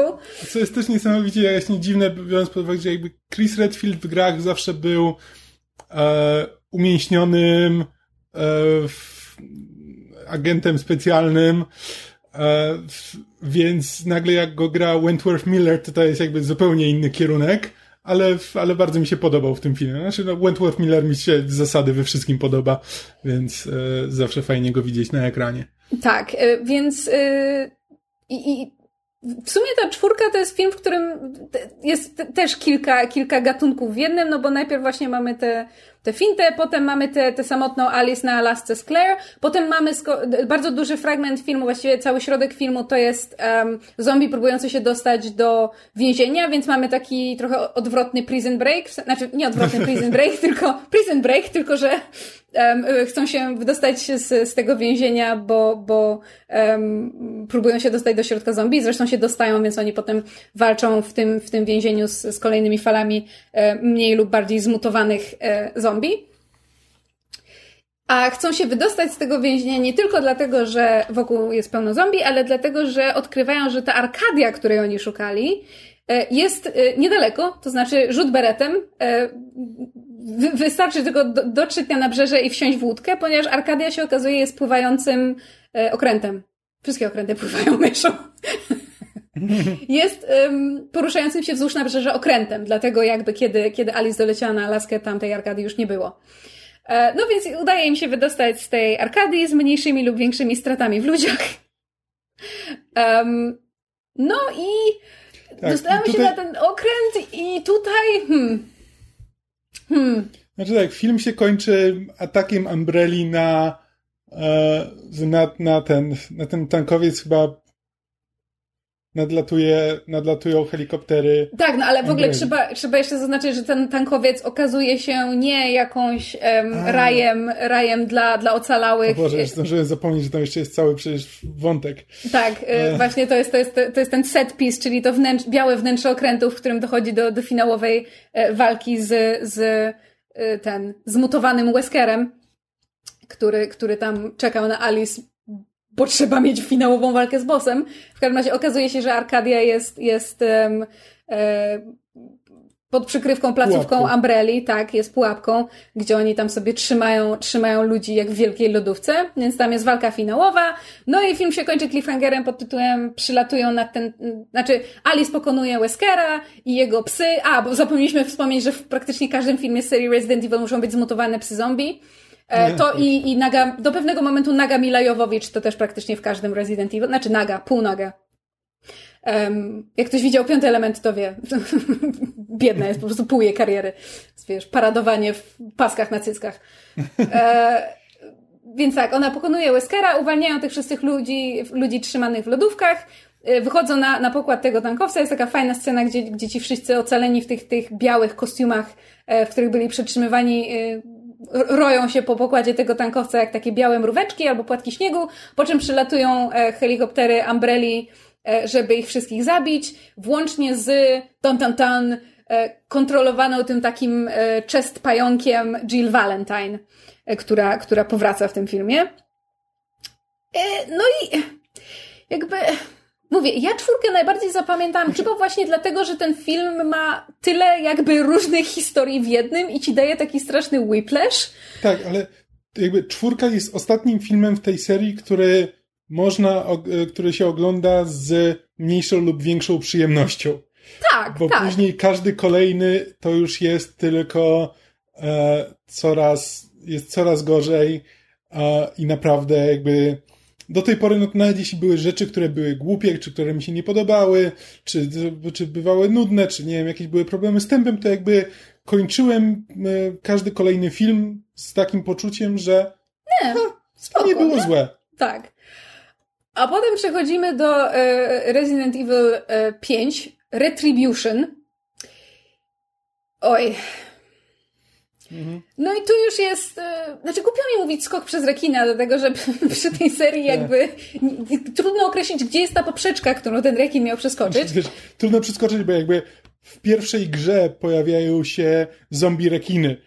Filmy tego nie mają, więc No i tak, tak. przeskoczyły jednego rekina mniej niż gry. Znaczy, po pierwsze, piąty film jest szalenie frustrujący, dlatego że zaczyna się taką absurdalnie długą sekwencją, co w, w, w odwrotnym czasie, czyli w sensie jakby obs, ona jest re- rewindowana, tak myszu, cofana, em, w której właśnie te, te em, obserwujemy rozegranie się finału, jakby kontynuację finału z czwartej części, czyli jak te e, helikoptery Umbrelli atakują ten tan- tankowiec Arkadii i, i, i, i Alice ląduje w wodzie i prawdopodobnie wszyscy są zabici i nie wiadomo co się stało. Po czym nagle widzimy Alice żyjącą ze swoim mężem, którego gra właśnie znowu Odette Fair, wraca. E, I ze swoją głuchą córeczką na przedmieściach jakiegoś miasta, na które napadają zombie. A potem znowu się przenosimy i się okazuje, że e, prawdziwa Alice budzi się w placówce Umbrelli, jest przesłuchiwana przez Jill, ale ktoś sabotuje system i Alice ucieka i spotyka Ade Wong, która też jest postacią z gier i się okazuje, że do tego wszystkiego doprowadził Wesker, który stał się zdrajcą Umbrelli, bo powody? A tak w ogóle to chyba w tym filmie przywracają Alice jej magiczne zdolności? Do they? I don't remember. Czy to ważne? Nie. Nie. W każdym razie... W każdym Znaczy, razie... Bo cały film jest w ogóle jakby idzie najbardziej w stronę gier, bo jakby tutaj nawet nie ma szczególnie fabuły. Cały film polega na y, ucieczce przed różnymi zombie poprzez różne otoczenia, bo w, bo w tej placówce Umbrelli mamy, oni musieli odtworzyć Nowy Jork i Tokio i Moskwę i w, e, I tam wypróbowywali wirusa. W sensie, Tak, jak tam- będzie działał w takich jakby realiach właśnie na przykład Times Square albo czegoś tam, nie? Tak, więc wszystko się po prostu sprowadza do tego, że postaci biegną przez właśnie tę e, tę Moskwę, znaczy e, przez Kreml tak właściwie konkretnie, przez, e, przez Shibuya e, w Tokio, przez jakieś przedmieścia i coś tam jeszcze. I I, po prostu uciekają przez, przed kolejnymi zombie. Mamy zombie e, z karabinami maszynowymi, zombie na motorach. E, ogromne, ogromne zombie z siekierami, tak, z młotami, tak. przepraszam. Więc po prostu yy, i i tam nie ma żadnej fabuły. To jest znaczy, cała fabuła, że nie ma fabuły, muszą uciekać. Nie ma fabuły, ale jeszcze też się pojawia Leon Kennedy właśnie, bo e, oprócz tego, że Alice i Ada uciekają jakby z jednego krańca, e, znaczy muszą z jednego krańca się przedostać e, do, do wyjścia z tej placówki, to do tej placówki włamał się właśnie Leon Kennedy razem z, z drużyną e, najemników, żeby jakby zrobić właśnie ekstrakcję, żeby pomóc Adzie i Alice się wydostać. Więc mamy jakby dwie grupy, które idą z przeciwnych końców, spotykają się w środku, a potem muszą z powrotem zwiewać mm. do mhm. wyjścia, cały czas ścigani przez zombie. Film właśnie jakby daje, daje Alice tę te, te, te, te córkę, z którą ona tam nawiązuje więź, bo tak naprawdę ta córka jest klonem i i ona myśli, że Alice jest jej matką, ale tak naprawdę jej matką był klon Alice, a tak naprawdę ona nie ma matki, bo ona też jest klonem i w ogóle, znaczy ten film bardzo próbuje momentami iść w taki... Bo, bo to jego matka była. tak, bo tam ciemno było, nie? E, ale ten film bardzo, bardzo próbuje iść w taki w to, co ten film rozumie jako egzystencjalizm. Pod tytułem, wiesz, czy, czy, czy Alice jest człowiekiem, biorąc pod uwagę, że, że ma w sobie ten te wirus i i jest super człowiekiem. Czy ona jest człowiekiem, biorąc pod uwagę, że, że istnieją jej kopie i to jest film, w którym zaczynamy się zastanawiać, czy Alice jest, czy Alice jest jakby e, pacjentem zero, znaczy w sensie to, no, e, wersją, wersją pierwszą, czy jest jedną, jedną z klonów. Um, więc jakby the movie tries, naprawdę. Znaczy tak, ale właśnie tutaj nic nie ma i ewidentnie film próbuje trochę jechać na tym, że E, żeby się przypodobać fanom jakby serii gier. Szczególnie, że jakby po raz pierwszy mamy, znaczy właśnie pojawia się bardzo dużo postaci z gier. I to ale tak ale pojawiają się w taki jako... sposób. Tak, w płaski sposób, bo one po prostu jakby to jest postać, ona nie ma nic wspólnego z postacią z gier, ale nazwaliśmy ją e, nazwiskiem, e, nazwiskiem postaci z gry. Kochacie nas już? I to jeszcze do tego stopnia, że w w sekwencji otwierającej jakby po raz pierwszy pojawiają się napisy i mamy kto tam występuje i mamy właśnie pokazane, że o, a tutaj e, właśnie mam przed sobą Wikipedię, że Johan Urb jako Leon Kennedy, a tutaj Kevin Durant jako Barry Barton, postać z gry, a Lee Bing Bing jako Ada Wong. Czy już fani się cieszycie? Już jesteście podnieceni, że będziecie teraz oglądać ten film? I po prostu to jest tak, e, tak przezroczyste, tak oczywiste, że E, że to aż boli, a później właśnie biorąc pod uwagę, że ten film nie robi z tymi postaciami nic ciekawego, tylko po prostu bierze, jakby nazywa przypadkowych najemników imionami postaci z gier. I to wszystko. Tak, no i w finale, kiedy oni się już wydostają z tej placówki, to mamy e, epicką, znaczy mówię to bardzo sarkastycznie, epicką walkę e, z nadal kontrolowaną Jill Valentine na śniegu i jak to słusznie zauważył Kamil, kiedy żeśmy ten film oglądali, to musiał być już ten okres, kiedy um, były filmy 3D w kinach, no bo w tym momencie to jest mm. 2012 rok już, um, bo w tym filmie jest tak dużo epickiego slow-mo i rzeczy lecących w twoją stronę, wiesz, żebyś się bał, że cię trafią, bo 3D, wow, że to już się robi szalenie frustrujące. To znaczy jakby do tej pory te filmy były bardzo porządnymi filmami akcji, Czasami były, były jakby przeszarżowane sekwencje, ale jednak wokół czegoś obudowane. Czy to miały być straszne i były bardziej horrorowe, czy były bardziej właśnie epickimi takimi set pieces, gdzie, gdzie patrzyłeś na te wszystkie dekoracje i to, co się dzieje w kilku miejscach naraz. A tutaj to jest po prostu tak tak hamsko pod gry i tak hamsko pod to 3D, że to już się ciężko ogląda. Um, plus jakby bardzo dużo było takich um, scen właśnie przechodzenia pomiędzy tymi kolejnymi e, scenografiami w tej placówce, gdzie było bardzo dużo takich stroboskowych, e, stroboskopowych rozbłysków i, i, i bardzo źle się to, ten, ten, ten film oglądało.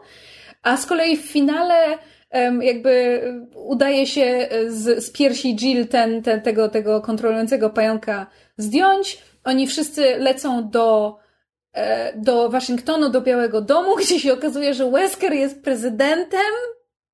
A nie, on dopiero tutaj wraca Alice jej ponadnaturalne zdolności. W finale tego filmu, bo, bo tak, bo ona jest, bo ona, ona z tymi mocami jest ostateczną bronią, której potrzebują, żeby raz na zawsze pokonać e, Czerwoną Królową, e, przeciwko której wystąpił Wesker e, i, i, i film się kończy takim absurdalnym po prostu ujęciem, gdzie oni wszyscy stoją na dachu półzrujnowanego białego domu, który, na który idą armie zombie i, i, i jest porozstawiane wojsko, a na, a, a, a na niebie jeszcze latają y, zombie zmutowane smoki. Mhm. I ja już na tym etapie miałam takie, aha, dobra, to, to ja już wysiadam, dziękuję. Znaczy taki to znowu jest jakiś taki dziwny fanserwis e, w stronę, w stronę graczy, bo jakby te postaci, które stoją tam na dachu tego białego domu, to jest właśnie Chris Redfield, e, znaczy Alice, no, która jest jakby bohaterką filmów, więc się nie liczy, Wesker, e, shit, zapomniałem, są jeszcze dwie inne osoby, e, a Leon chyba, tak, jest... E, nie, czy to naprawdę ważne na tym etapie? Nieważne, tak, nie, ale po prostu jakby to jest pięć postaci, znaczy cztery postaci z gry plus Alice, które właśnie teraz będą walczyły z armii zombie. I to jest takie, że wiesz, że to jest znowu dla fanów, że patrzcie, w następnym filmie to dopiero będzie. A w następnym filmie nic nie będzie, bo ewidentnie nie udało im się ściągnąć tych wszystkich e, aktorów z powrotem, e, więc, e, więc film się zaczyna już po tej bitwie wielkiej. E, i większości tych postaci już nigdy nie widzimy na oczy. E, I. Tak. I mamy cały ostatni film, który jest dziwny, bo on ogólnie miałby szansę być dobry. Znaczy, nie, bo znaczy, tam są dobre pomysły. Dobry. On byłby znośny. Tak, ale chodzi mi o to, że tam są jakby ogólnie fabuła, jakby tak ją opowiedzieć na papierze i powiedzieć, co ten film próbuje zrobić, e, jakby komuś tak opowiadać taką wizję na ten film, to on jest, to, to, to, on trzyma się kupy, to jest w miarę sensowne, to jest kiczowate, to jest e, głupawe, ale w interesujący sposób. Ale to, co zabija ten film, to jest realizacja przede wszystkim, bo on jest nakręcony tak bardzo źle, że to jest aż bolesne. Znaczy, po prostu nie byliśmy w stanie oglądać patrzeć tego na filmu. Znaczy tak, fizycznie nie byliśmy w stanie patrzeć na ekran, bo ilość właśnie tych takich stroboskopowych rozbłysków światła i montaż tego filmu były tak tragiczne, że myśmy po prostu od mniej więcej połowy tylko zerkali na ekran, a autentycznie większość finału po prostu żeśmy patrzyli tylko na siebie i ze słuchu próbowali się zorientować, co się w tym filmie dzieje. Tam ja po prostu musiałam zamykać oczy, bo to było fizycznie jest, bolesne. Tam jest scena, w której Alice wyciąga z torby broń. Scena wyciągania przez Alice z torby jednej broni, jednego karabinu, najwidoczniej według montażysty wymaga dziesięciu cięć. Tak. To znaczy, jak, nie wiem, czy pamiętacie, ale jakiś czas temu y, były podśmiechujki w internecie z takiej sceny z. Y, nie pamiętam, czy to był któreś trzeci, trzeci film z serii Taken, czy coś takiego z, z Liamem Neesonem, że, że była scena skoku przez płot, gdzie było chyba 27 cięć. Ten film jest gorszy, w sensie Resident Evil The Final Chapter, e, który wyszedł niecałe 4 lata temu, e, był, jest po prostu, cały film jest taki, tak jak ta, ta, ta jedna scena z Taken i po prostu ten film fizycznie nie daje się oglądać. A szkoda, bo jakby, tak jak Kamil wspomniał, fabuła nie jest może jakoś super wymyślna, ale widać, że twórcy się starali, w sensie, że Paul, Paul Anderson jakby miał pomysł, film się nazywa The Final Chapter, jest zamknięciem serii, powiedzmy, um, więc mamy typową klamrę, czyli powrót do korzeni Alice musi wrócić do, do, do ruin Raccoon City, do oryginalnej placówki Ulu e, i tam jakby dochodzi do, do ostatecznej konfrontacji z, z jak się okazuje, nie wiem Kamil, czy ty zarejestrowałeś oglądając ten film, ja nie, ale właśnie przeczytałam na Wikipedii, że ten, ten doktor Isaacs, który się pojawia tutaj w tym szóstym filmie, to nie jest ten sam Isaacs, który był w dwójce i trójce. Nie, to jest jego brat bliźniak. Oni mają inaczej na imiona. E, w dwójce i trójce jest sam Isaacs, a tutaj jest Alexander Isaacs. To jest, to jest inny człowiek, to jest jego brat bliźniak. Okej, okay, no spoko. Czemu nie? Ja mam takie, co? Jak słyszycie, to jest cały aspekt filmu, o którym myśmy nie mieli pojęcia, bo film go nam nie powiedział. Albo zrobił to źle. Znaczy, ale jakby, bo jeśli chodzi o akcję filmu, czyli takie um, to jakby jak Alice próbuje dotrzeć z powrotem do, do, do tego ulu i dlaczego ma e, ograniczony czas e, i kolejna grupa ocalałych, e, na których po drodze wpada. I fakt, że teraz to już jest świat wiele, wiele lat po tej apokalipsie, w związku z tym pojawiły się różne dziwne rzeczy, jak na przykład y, ludzi wierzących w to, że, że, że prawda, że ta apokalipsa, te, te, zombie zostały zasłane z jakiegoś powodu i jakby jest w tym taki cały aspekt dziwnej, chorej religii. Jakby to jest spoko. Widać, że, że, że ten świat był, był rozbudowywany. Mamy też całkiem fajny element, gdzie twórcy próbują te takie elementy jakiegoś właśnie egzystencjalizmu czy humanizmu, tego, tych takich mo moralnych i, i, i, i emocjonalnych rozważań Alice na temat tego, czy ona jest pełnoprawnym człowiekiem, jakby, czy jest klonem, skąd się wzięła, jaka w związku z tym jest jej rola, jak ona się odnajduje w swojej relacji z, z Umbrella Corporation, która ją niejako stworzyła. Jakby widzę, że ten film bardzo próbował ten, to, to wszystko podbudować, jakby reveal, który na koniec dostajemy pod tytułem Dlaczego Alice nigdy nie miała wspomnień sprzed jakby pierwszego filmu, że budzi się w pierwszym filmie tak z amnezją, ale jakby nie pamięta nic wcześniej, nie pamięta swojego dzieciństwa. Tu się dowiadujemy dlaczego. Jakby i, i jak to jest związane z powstaniem Umbrelli i w ogóle z wirusem T. Naprawdę pod względem historii fabuły ten film próbował to fajnie spleść. Znaczy mówię fajnie w kontekście właśnie filmów typu Resident Evil, Underworld, jakby action horrorów, które nie są super wymyślne, ale fabularnie próbują przynajmniej jakby tworzyć jakiś w miarę spójny świat. Zwłaszcza jeżeli mają jakieś właśnie takie cofanie się do, do um, originów e, pewnych historii. Ale tak bardzo strona techniczna ten film zabiła, że no, no, no zero przyjemności miałam z tego, a wręcz, znaczy wręcz przeciwnie, jakby ten film fizycznie był bolesny. Mm. I mam trochę o to żal. tak.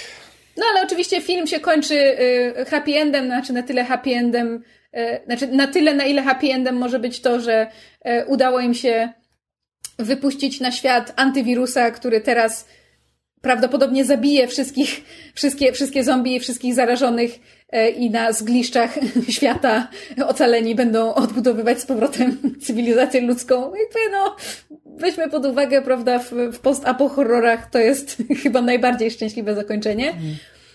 No, a Alice jakby też dostaje, dostaje swoją jakąś tam e, w pewnym sensie emocjonalną puentę.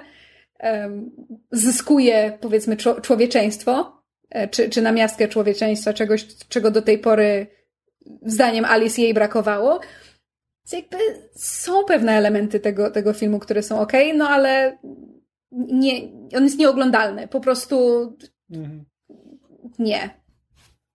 Niestety. Tak. No i, i wypadałoby to jakoś słowem podsumować. Znaczy, no mówię, no,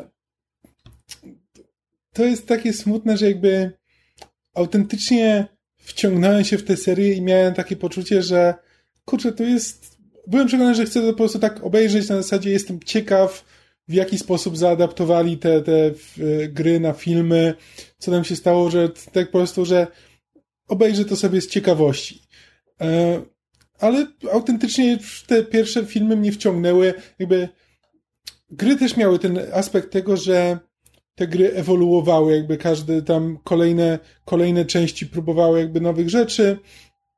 No jakby i ten film autentycznie jakby każdy, właśnie szczególnie jak się ogląda pierwszy, drugi, trzeci, czwarty, każdy ma zupełnie inny ton, zupełnie inny charakter, e, ale, ale to ma w sumie sens e, i przynajmniej, e, i przynajmniej sprawia, że nie masz wrażenia, że oglądasz cały czas to samo jakby ciągle znajduje jakiś sposób, żeby opowiedzieć zupełnie inną historię. A potem jakby ta końcówka, te ostatnie dwa filmy tak bardzo nie wiedzą, co mają ze sobą zrobić, że to wszystko kompletnie pada na twarz. Mm. Znaczy, wychodzi na to, że ja zupełnie nieświadomie podjęłam, yy, znaczy, nie podjęłam decyzję, bo jak, to nie była świadoma decyzja, tylko po prostu nie, nie poszłam na, do, do kina na, na piątkę i na szóstkę, kiedy wychodziły, mimo że miałam takie myśli na zasadzie, o, skoro znam serię, to mogę pójść. Jakoś mi było nie po drodze, ale wychodzi na to, że, że miałam więcej szczęścia niż rozumu, bo, bo nieświadomie e, skończyłam e, po raz pierwszy oglądać serię na tym ostatnim w miarę do, dobrym filmie, czyli na czwórce. Kurczę, mogłam, mo mogłam to tak zostawić, mogłam sobie zostawić tak. dobre wspomnienia z tej serii.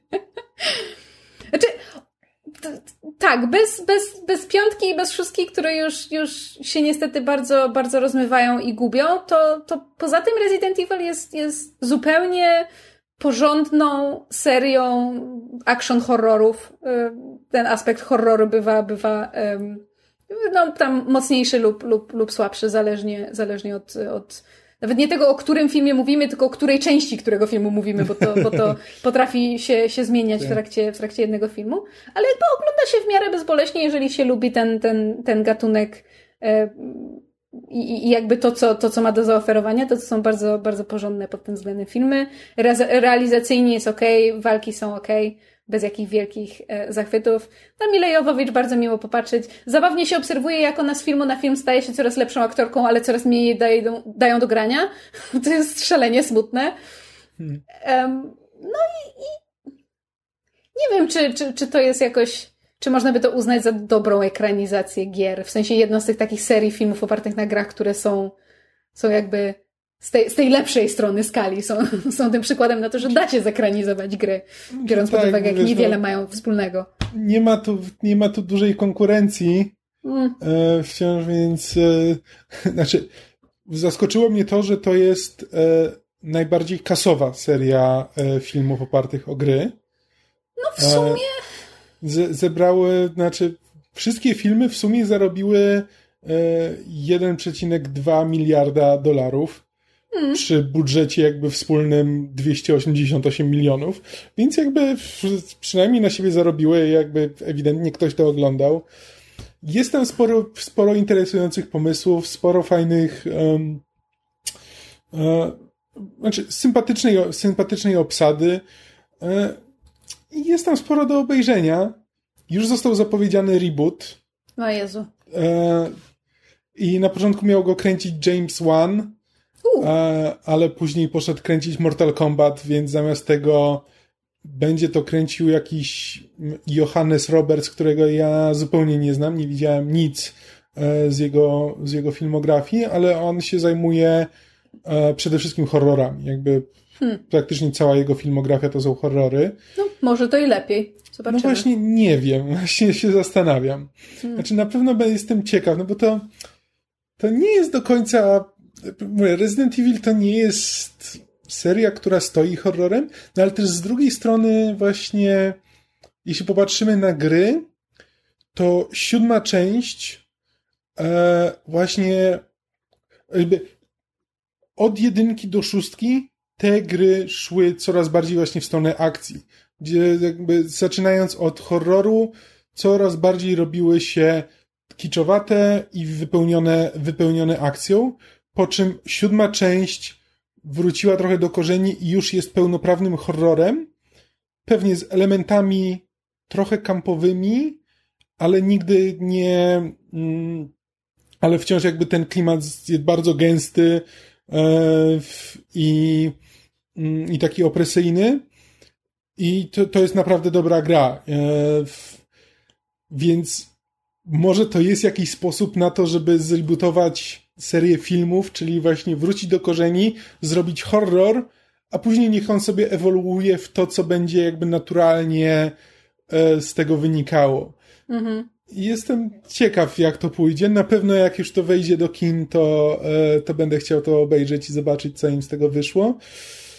No ale nie nastawiam się na nic, no bo wciąż, no to to cały czas oscyluje na granicy takiego porządnego średniaka, więc tak. e, może pójść w obie strony. A z, z, drugiej strony ja też jestem ciekawa, bo e, w drodze sprawdzania, e, co, że tak powiem, twórcy jeszcze, jeszcze robili, ja zupełnie zapomniałam, że przecież e, Paul Anderson robił tych e, absurdalnie głupich Trzech Muszkieterów z 2011 roku, w których grała Mila Jovovich. Ja teraz muszę wrócić do tego filmu, bo ja go widziałam już trzy razy, za każdym razem kompletnie zapominam ten film. Myślę, że on był fatalny, po czym go oglądam, bawię się świetnie, a potem go kompletnie znowu wymazuję z pamięci. Znaczy, on jest, on jest bardzo zły, ale jest przy tym zabawny.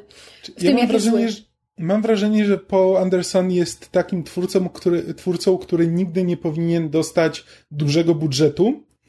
Że właśnie, że kiedy dostaje mały budżet i musi jakoś spiąć tę produkcję tak, żeby, e, e, żeby to miało sens, to właśnie znajduje rozwiązania, które są momentami absurdalne, trochę dziwne, ale właśnie, ale przez to te filmy mają jakiś taki interesujący klimat. A kiedy mm on może sobie zrobić wszystko, ma budżet na to, żeby, y, żeby zrobić cokolwiek mu przyjdzie do głowy, to, to on nie ma takiej wyobraźni, która by stworzyła ciekawą historię od podstaw. To jest bardziej, że jak się postawi przed nim wyzwanie, to on znajdzie sposób, żeby je obejść. A kiedy nie ma zupełnie tych wyzwań i musi coś stworzyć od zera, ma po prostu pustą kartkę i może na tej kartce napisać, co tylko chce, to nagle to po prostu nie wie, nie wie jak to ogarnąć. Tak, co jest o tyle niepokojące, że e, następnym filmem, który zobaczymy od e, e, Paula Andersona, również z Milą Jovovich, because I think they're married, w związku z tym najwyraźniej nie są w stanie pracować osobno, jest Monster Hunter, który też A, jest, tak. jeśli dobrze kojarzę, na podstawie gry. Tak. gry. Znaczy Więc, gier. Um, w związku z tym, hmm, tak, no, no wiesz, Resident Evil zabrali Andersonowi i go teraz rebootują, no to on stwierdził, nie, ja zamierzam dalej kręcić ekranizację gier z moją żoną, w związku z tym no, wiesz, zrobi Monster Hunter. Znajdź coś, co kochasz i to rób. No. To, tak, to muszę, to, to, jest tytuł tego odcinka, biorąc pod uwagę, że rozmawialiśmy o passion projekcie, jakim jest Riddick dla, dla Davida Tłochi, Tłochiego e, i, i teraz mówimy o Resident Evil, więc Tytuł tego odcinka to znajdź to, co kochasz i rób to. Niekoniecznie dobrze w nawiasie. No, i to chyba tyle słowem omówienia od nas. Um, wyszedł nam wyjątkowo długi odcinek, ale podejrzewam, że w obecnych warunkach e, współczesnej, pandemicznej postapokalipsy um, wie, więcej, więcej myszmasza do, do słuchania nie jest wadą, a wręcz przeciwnie, miejmy nadzieję. Jeżeli macie jakieś komentarze, pytania, sugestie, uwagi, jak zwykle zachęcamy do komentowania tego odcinka na przykład y, na YouTubie w komentarzach pod filmem albo na naszych social media, na Facebooku, na Twitterze. Możecie znaleźć wszystkie nasze e, dane na podsłuchane.pl, wysłać nam maila na kontakt podsłuchane.pl albo szukać nas indywidualnie, całej naszej trójki, prywatnie na social media też jesteśmy responsywni. E, jak zwykle bardzo gorąco zachęcamy do słuchania innych naszych podcastów. Wróciły właśnie, jeśli dobrze kojarzę, gorące krzesła. Chłopcy mieli, wyobraźcie to sobie, mieli czas pograć w gry, więc teraz znowu wrócili do omawiania gier. Jeszcze nawet w, w nowym odcinku mówimy o Resident Evil 3. Patrz, It's almost like we planned this. um, I też zachęcamy do oglądania i słuchania sesji na podsłuchu, gdzie gramy w gry fabularne z naszymi przyjaciółmi i tworzymy e, wspólne historie. Nowy odcinek wyszedł w kwietniu, wróciliśmy do Ghostpunka. Teraz w związku z sytuacją na świecie e, będziemy e, próbowali kontynuować Ghostpunka, nagrywając każdy z własnego domu, więc być może będą jakieś drobne zmiany formatu czy też jakości, ale zamierzamy dalej e, snuć naszą historię, więc dostarczymy Wam hopefully wkrótce kolejnych e, przygód Kretów Grety. Bardzo gorąco zachęcamy do słuchania i dzielenia się w, w internecie, żeby nas było więcej, żeby nas więcej ludzi słuchało, wtedy jest nam bardzo, bardzo miło. I, a, i możecie kupić gadżety podsłuchane.pl w naszym sklepie podsłuchane.pl ukośnik sklep. Mam nadzieję, że tam wszystko działa, bo ostatnio były jakieś problemy techniczne. Oczywiście rozumiemy, jeżeli w tym momencie macie inne priorytety finansowe, ale jeżeli e, macie odrobinę grosza i chcecie wesprzeć podsłuchane.pl, będzie nam bardzo, bardzo, bardzo miło. Oczywiście też możecie sesję na podsłuchu wspierać na Patronajcie, żebyśmy e, mogli usprawnić nasz, nasz sprzęt i, i się rozwijać. Będzie nam bardzo, bardzo miło. I to chyba tyle. Dzięki za uwagę i do usłyszenia w następnym odcinku. Cześć! Na razie.